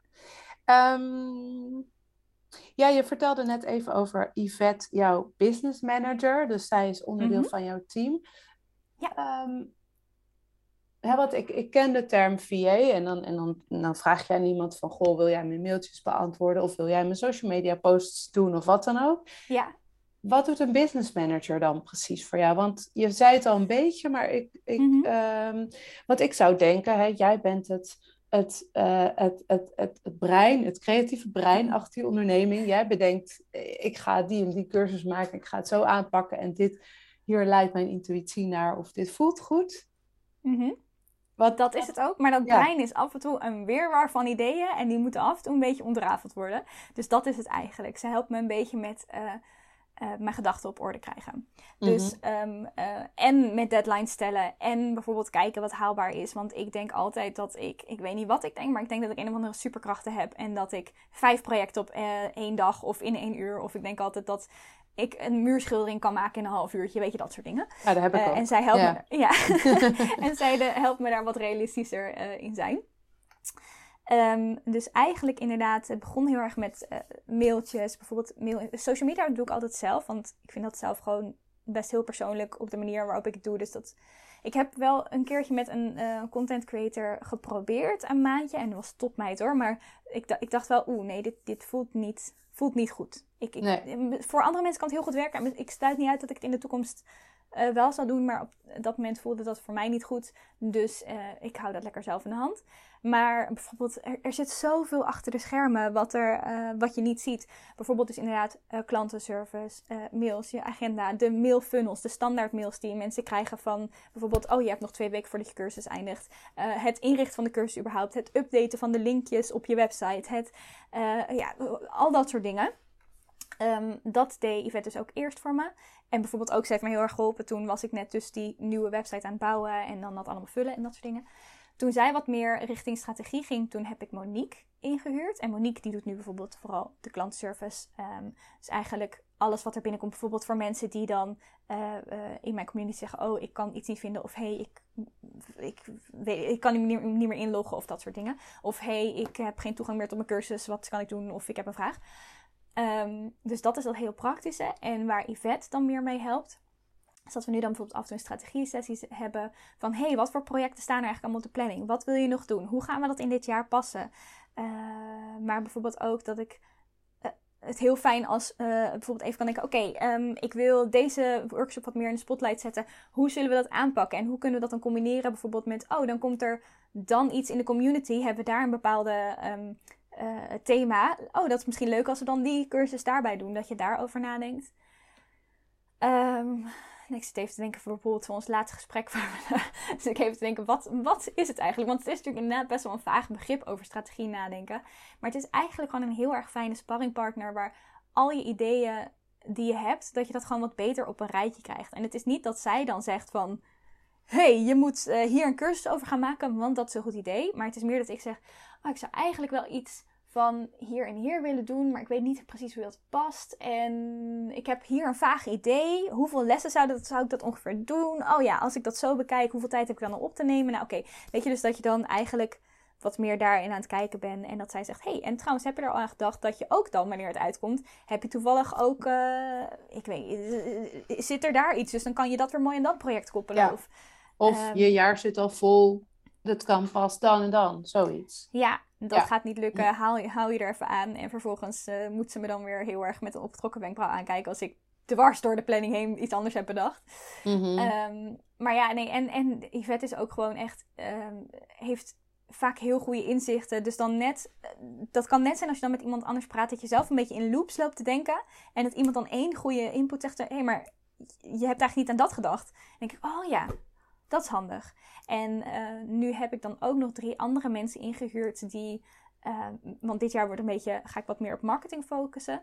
Dus ik heb dan nu nog, uh, ja, Michelle heet zij, ze is dan een beetje onder categorie VA ook, maar zij gaat zich meer bijvoorbeeld doen met automati automatiseringen, dus de mailfunnels van, hè, als iemand dan binnenkomt, hé, hey, welkom, mailtje, en oh, lukt het dan met de cursus, en zeg maar dat soort mails, daar gaat zij zich meer mee bezighouden. Uh, Manon gaat zich meer met de social media bezighouden, dus gewoon advertenties. ik ga mm -hmm. maar eens aan de advertenties, want dat heb ik nooit gedaan. En daar strategieën. En dan heb ik nog Angela, die gaat meer op SEO, want dat is ook gewoon belangrijk, dat je goed vindbaar bent op, op Google. En um, uh, dat is heel gek, want ik ben dus, ik heb hen allemaal aangenomen vlak voordat ik een maand op reis ging. Ik ging in januari een maand op reis. Uh, en uh, verder heb ik dus bijna niet meer met hen gesproken, want ik was op reis. En dat doet Yvette dan dus voor mij. Dus die zorgt dan bijvoorbeeld van dat zij een beetje zorgt dat iedereen, of bijvoorbeeld ze heeft dan af en toe met Monique, als Monique dan een vraag heeft over klantservice en ik ben er dan niet om dat te beantwoorden, dat Yvette dan al dat managt tussen ja. al die uh, mensen, als die een vraag hebben, dat zij een soort van in principe eerste aanspreekpunt is. Um, tenzij ik echt iets, uh, ja. iets belangrijks moet doen. En ik wil natuurlijk wel contact met iedereen houden. Dus het is niet dat ik zeg, uh, doe jij lekker alles en ik wil nergens iets van weten. Ik wil het ook allemaal weten wat iedereen doet natuurlijk. Maar het is wel fijn dat iemand met wat meer overzicht dat, dat allemaal een beetje managt. Ja, precies. En dat jij niet ik hoop dagelijks... dat zo wat duidelijker is. Ja, ja nee, precies, ja. zeker. Ja. ja. En, dat, en dat ontslaat jou ook wat meer van de echte managersfunctie. Van, ja. Um, ja. Ja, snap ik. Want ja. ik, het, het runnen van een team en of hè, het, het, het aannemen van VA's, dat geeft ook weer ander soort extra werk. Het, het, het geeft ook weer extra werk. Ja, ja, En, en toevallig uh, wil ik me daar nu ook wat meer in, uh, in uh, op gaan richten. Ik ben er nu wat meer over aan het leren, want um, ik denk dat met deze um, het geluk met de omgeving die ik heb, zeg maar met hoe lief de community is, hoe lief de, collega's is, je hoort ook wel eens anders over de illustratiewereld. Uh, ik denk dat dat misschien een beetje het handlettering en knutselen, zeg maar, waar we een beetje tegenaan schuren. Um, dat daar gewoon best wel. En, en ook gewoon hetgene wat je uitstraalt en de mensen die je aantrekt daarmee. Het is best wel een heel erg. Een soort hechte, gezellige, elkaar gunnende. We zeggen altijd community over competition uh, gevoel. Maar uh, daar zit natuurlijk inderdaad ook wel bij dat op een bepaald punt word je gewoon leidinggevende, soort van. Je wordt gewoon mm. de opdrachtgever. Dus je moet. Uh, het, het is nog steeds wel allemaal one happy family. Maar ik merk ook wel, ik, ik loop sowieso er tegenaan. Ik wil altijd graag aardig gevonden worden. Ik vind het heel moeilijk om bijvoorbeeld kritiek te geven of dat soort dingen. Uh, en dat moet natuurlijk wel kunnen als leidinggevende. Gelukkig heb ik natuurlijk gewoon een topteam, dus is dat helemaal niet nodig. Maar het is wel iets waar ik skills in wil ontwikkelen van... Uh, hoe zorg je ook dat je team, zeker op zo op afstand nu, dat iedereen mhm. zich betrokken voelt, dat iedereen de dingen blijft doen die er moeten gebeuren. Uh, nou, waar ik ook trouwens, waar Yvette ook bij helpt, is soms dan verlies ik een beetje het overzicht. Dus ik kan bijvoorbeeld ideeën roepen of denken van, oh ja, dat moeten we eigenlijk doen. En dan vergeet ik dat ik dat heb gezegd. Of bijvoorbeeld gisteren hadden we dan een meeting en dan denk ik van, uh, zeg ik, oh ja, ik moet eigenlijk ook nog uh, de content voor maart en april. Zegt ze, oh, maar dat heb je al toen en toen. Weet je, wie hebt dan een keer dat, dat genoemd? Of dat ik zeg, ja, en ik ben nu zo en zo. En zegt ze, ja, maar dat heb je hier en hier al Dus dat helpt. en dus ook bijvoorbeeld dat ik zeg, oh ja, heb ik dat al aan diegene doorgegeven? Dat die, is iemand eigenlijk daarmee bezig? Weet je, zoiets. En dan helpt zij een beetje daarmee met de chaos. Anders dan ben jij gewoon tien keer hetzelfde idee aan het bedenken. Omdat ik nou eenmaal zo'n hoofd heb die dat dan weer vergeet. En uh, dat, daar zorgt die vet dan voor dat dat... Uh, um, wat meer gestructureerd is. dus ja. dus uh, dat helpt ook al heel erg met het leidinggeven. Maar ik zou ja, en, en leiding geven. Het zijn, nu, het zijn gewoon ZZP'ers die ik inhuur en niet eens voor... Het is niet dat ze fulltime voor mij werken, een aantal uur. Dus ze hebben zelf mhm. ook gewoon heel veel opdrachten en zo. Maar het is wel fijn, dat heb ik ook met andere uh, samenwerkingsmomenten met ZZP'ers gewerkt... mensen die ik inhuurde dan. Um, dat het gewoon heel erg belangrijk is om te communiceren wat jij wil. En uh, dat soms dan ben ik een beetje te bang om niet aardig gevonden te worden. En dan ga je daar eh, eh, eh, dan een beetje zachte heelmeesters maken stinkende wonden, zeg maar zo. Mhm. dus dat is wel iets waar ik nog mee wil ontwikkelen. Niet dat het nu super urgent is en nodig en dat ik echt ergens op vastloop. Maar meer dat ik denk, het is een goede investering voor de toekomst. Want ik zou hierin wel willen groeien. Dat je, in, dat je misschien opeens wel een team van fulltime mensen in dienst hebt, bijvoorbeeld. dat mhm. weet ik niet hoor, of ik dat zou willen. Maar goed, het zou kunnen dat je erheen groeit. En dan kan je maar beter nu alvast wat skills opbouwen. Ja. ja. Nou ja, het is sowieso goed. Er komt misschien een, een, een moment dat er wel iets speelt of dat, dat, dat een van je uh, mensen een deadline niet haalt of wat dan ook. En dan, ja, dan moet je daar wat van kunnen zeggen. Dan zou je er toch mee moeten omgaan. Ja, precies. Ja. Ja, ja. Dus uh, ja. Ja. ja. ja. Want uh, hoe, um, hoe is dat in het begin gegaan? Ging dat heel makkelijk? Of heb je daar bepaalde hobbels in genomen? Of heb je daar al grote les in geleerd? Of... Bedoel je met het werken met ZZP'ers en feedback geven? Of... Ja, en met VA's of ja. Um, nou, voor VA's zijn er echt niet echt grote feedbackmomenten. Ik heb wel met andere, momen andere uh, momenten gehad dat ik dus inderdaad mensen inhuurde en um, uh, ik zit even te denken van, oké, ik wil niet betrokken partijen ergens uh, nee, snap ik. in discrediet brengen. maar om het eventjes heel vaag te houden, was wel dat er bijvoorbeeld ik eerder al een bepaald les, les had geleerd met iets wat niet helemaal goed was gegaan. En dat ik merkte daar, oh, ik heb veel te laat aangegeven dat ik ontevreden was. En wat ik eigenlijk nodig had. En toen dat bij een volgende keer dan weer gebeurde, toen op een gegeven moment dacht ik wel, oké, ik moet wel nu iets gaan zeggen en dat, toen was er eigenlijk al best wel tijd overheen gaan. Ik dacht, ik moet wel nu wat gaan zeggen. En toen heb ik dat ook wel redelijk hard gedaan. Toen is dat ook wel goed overgekomen. En volgens mij, uh, ik weet nog dat een keer vriendin tegen me zei... Nou, volgens mij als jij iets redelijk hard zegt naar jouw idee... dan ben je alsnog wel redelijk aardig. Uh, dus working on it, working on it. Ja. Uh, maar dat kwam toen wel goed terecht. En toen merkte ik ook dat je dan dingen in een... dat, dat mensen dan opeens ook anders gaan werken. Dus van, oh, oké, ik moet het wel serieus nemen en, en dat soort dingen. Ja, het, het, het heel stomme is, um, uh, dat zei iemand een keertje tegen mij van, ja, jij betaalt diegene er gewoon voor. Dus jij mag gewoon vragen wat je wil. Ja. Zeg maar als in, je mag gewoon eisen dat het geleverd wordt, bij wijze van spreken.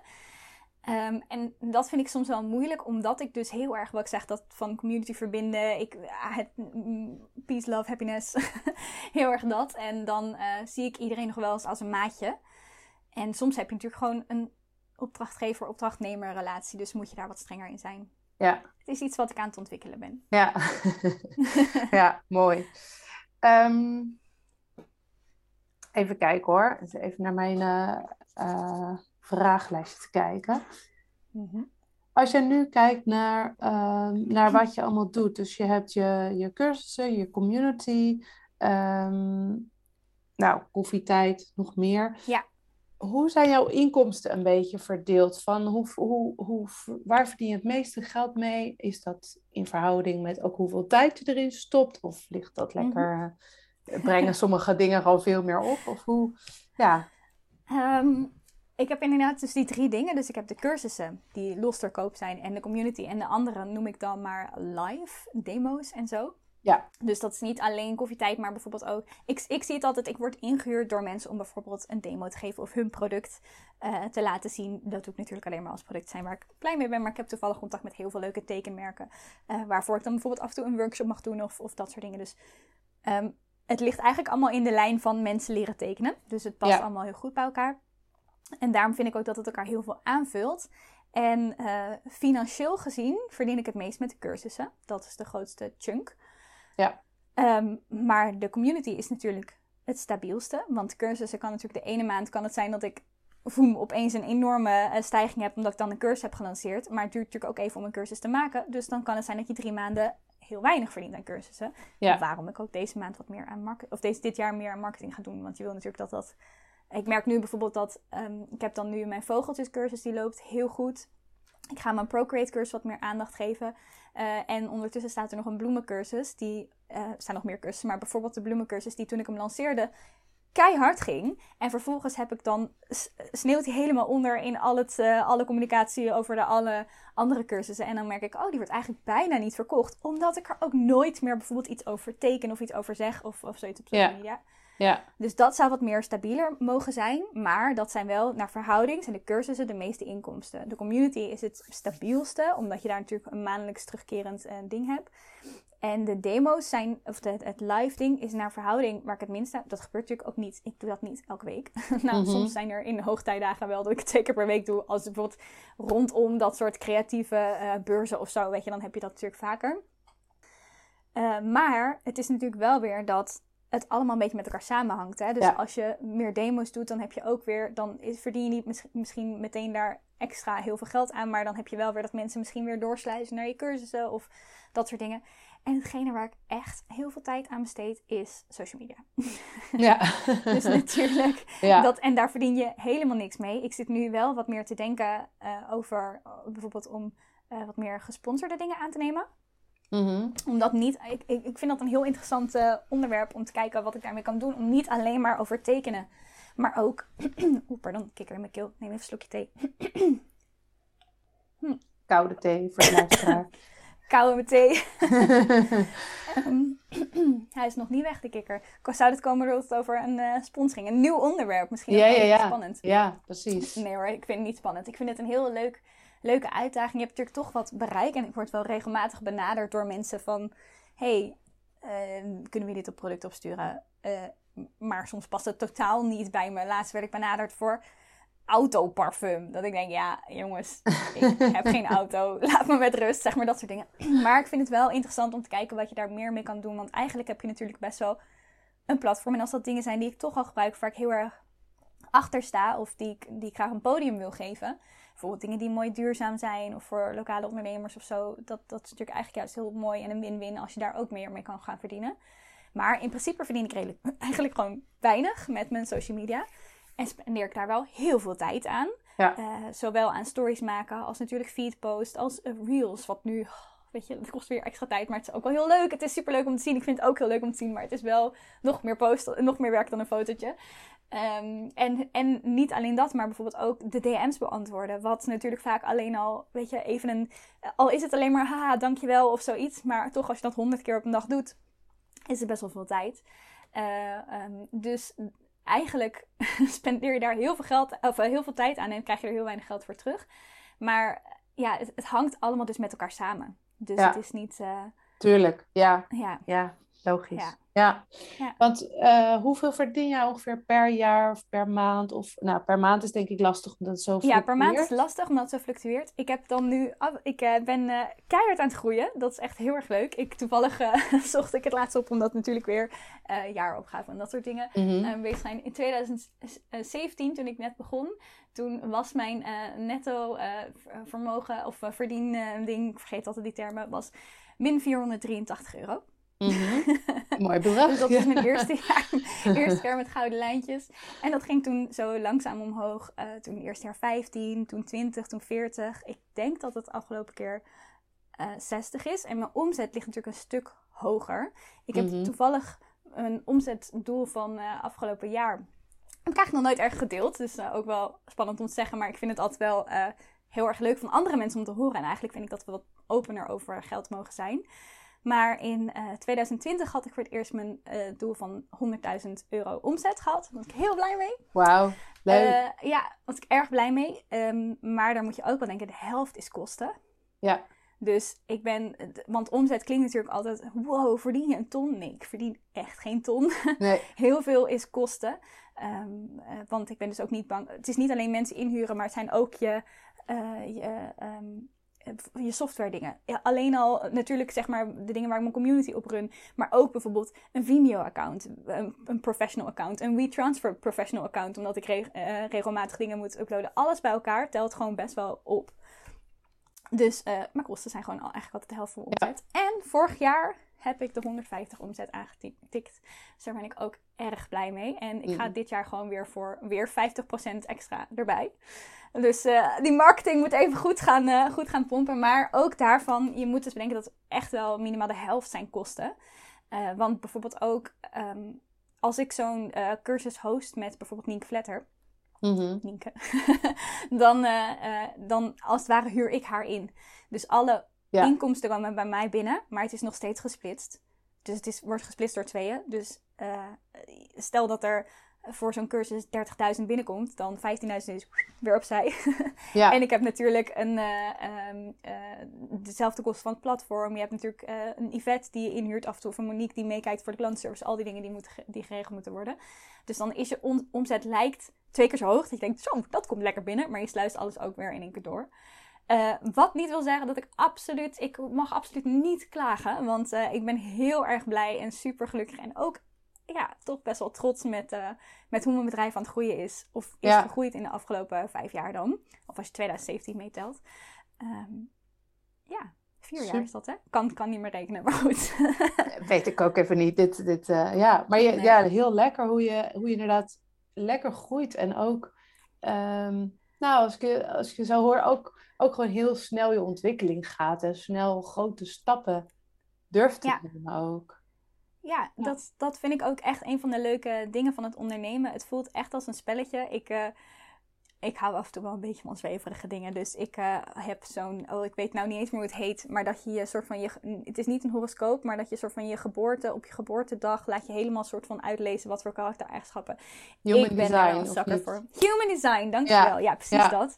Ja, ik hou Komt van ook een soort, eh, podcast over. Nou, kijk eens. Ja, ik, eh, superleuk. ik, ik luister eigenlijk bijna al je podcasts, maar er zijn toch nog een paar die ik echt nog eventjes eh, met Nee, een deze- moet... eh, Deze komt nog. Deze komt Die, nog. Oh, oké, ja, over een paar dagen op. Maar het wordt wel heel leuk ook. Met een zakelijk human design expert. Dus Oh, ik ben heel benieuwd. ja, Nou ja, ja, echt ik, het is natuurlijk voor iedereen die, die, weet je, houdt ervan of je houdt er niet van, of je weet het niet geloof. Maar in ieder geval kwam er toen bij mijn lezing kwam er uit dat ik best wel op geld gericht ben.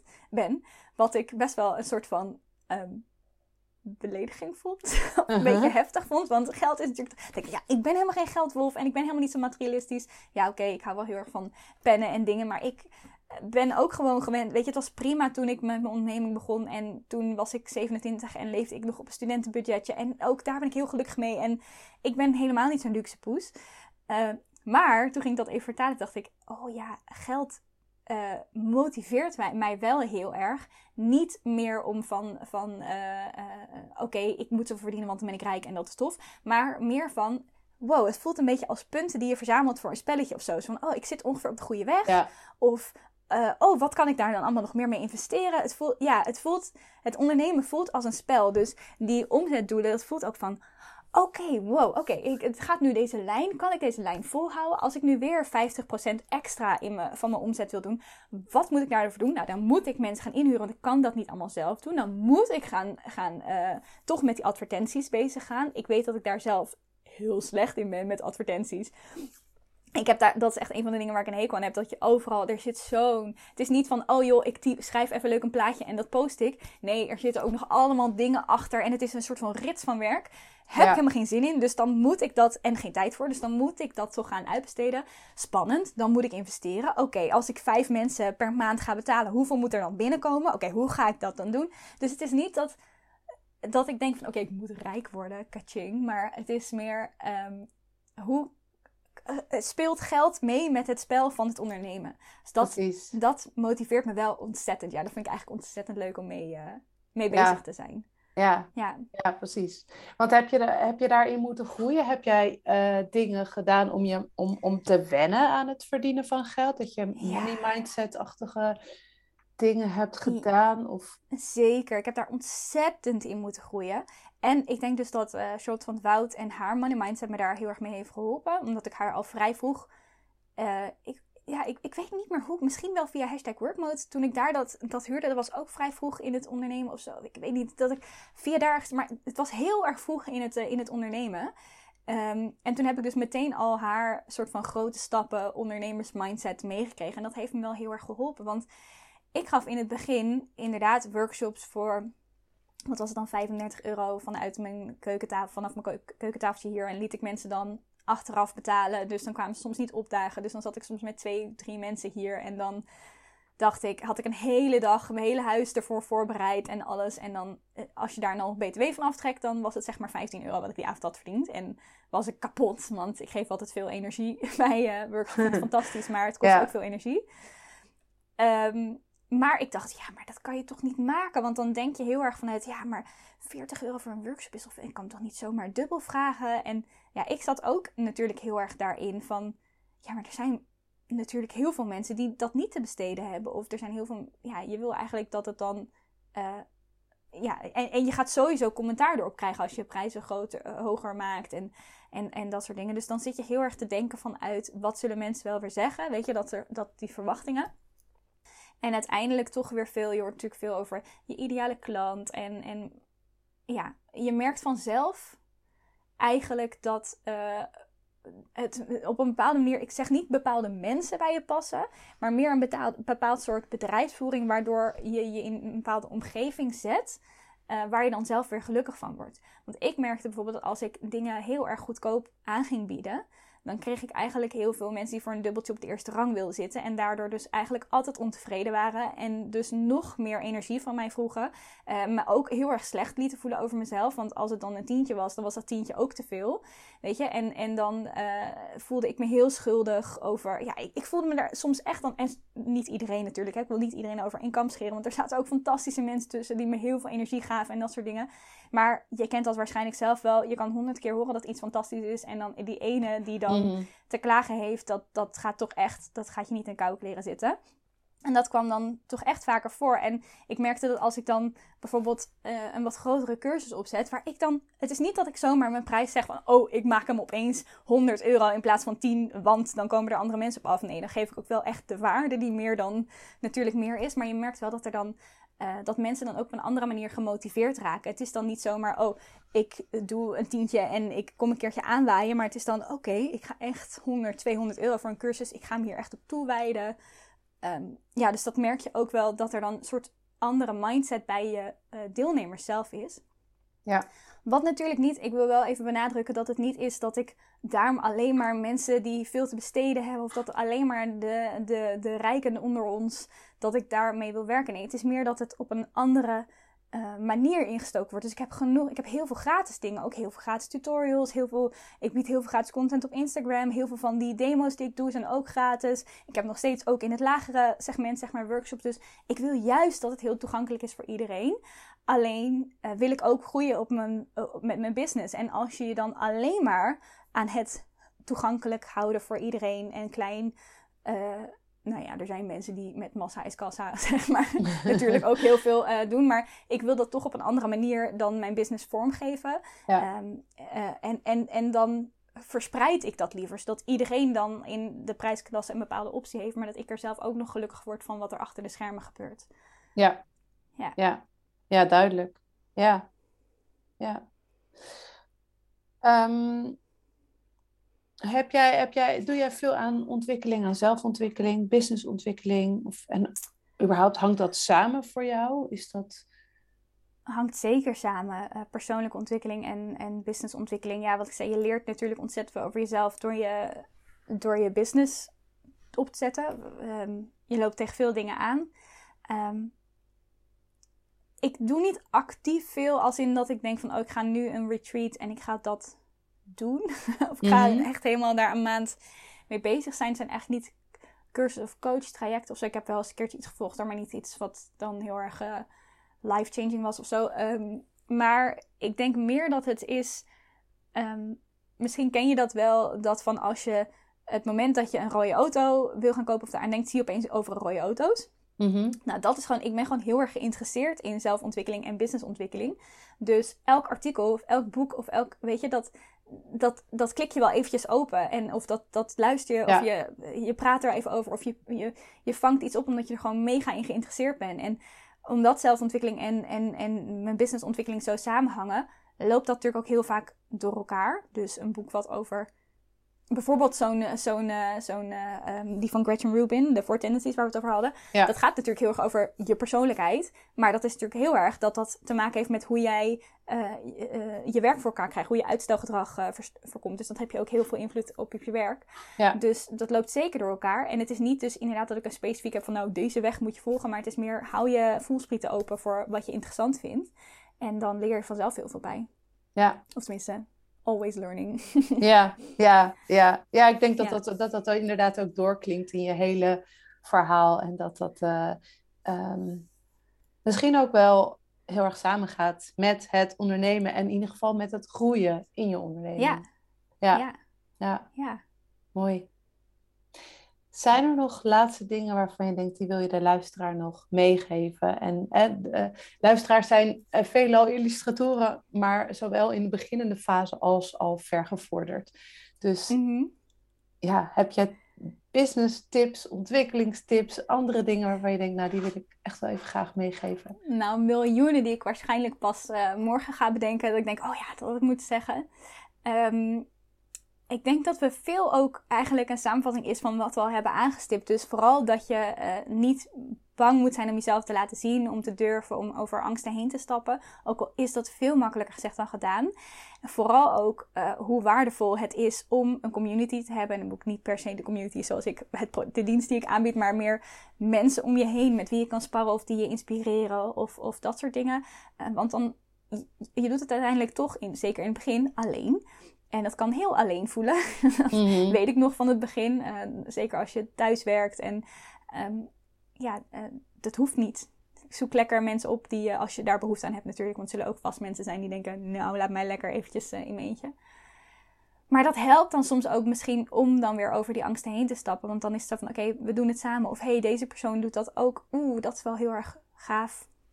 Laat ik dat dan ook doen. Dus ik denk eerder het laat jezelf zien en doe af en toe één stapje wat je net een klein beetje eng vindt. En dan, uh, dan komt het wel goed. Ja, stapje voor stapje. En uh, stapje voor doen. stapje. Ja. ja, precies. Mooi. Fijn. Dankjewel voor dit hele mooie gesprek. Jij ontzettend bedankt dat ik er mocht zijn. En dat was het weer. Dankjewel voor het luisteren. In de show notes vind je linkjes naar alle relevante informatie die genoemd is, zoals websites, titels van boeken en natuurlijk de illustraties. Ga naar www.irenececiel.com podcast en dan Cecile is met C-E-C-I-L-E -E, en klik op de titel van deze aflevering. En mocht je deze aflevering interessant gevonden hebben, er inspiratie uitgehaald hebben, dan zou ik het heel fijn vinden als je je abonneert op de podcast. Of als je een review achterlaat via iTunes, een screenshot deelt op social media of er gewoon anderen over vertelt. Zo help je mij meer mensen te bereiken. kost een paar minuutjes en ik ben je er nu alvast heel dankbaar voor. Super leuk dat je luisterde en tot de volgende keer.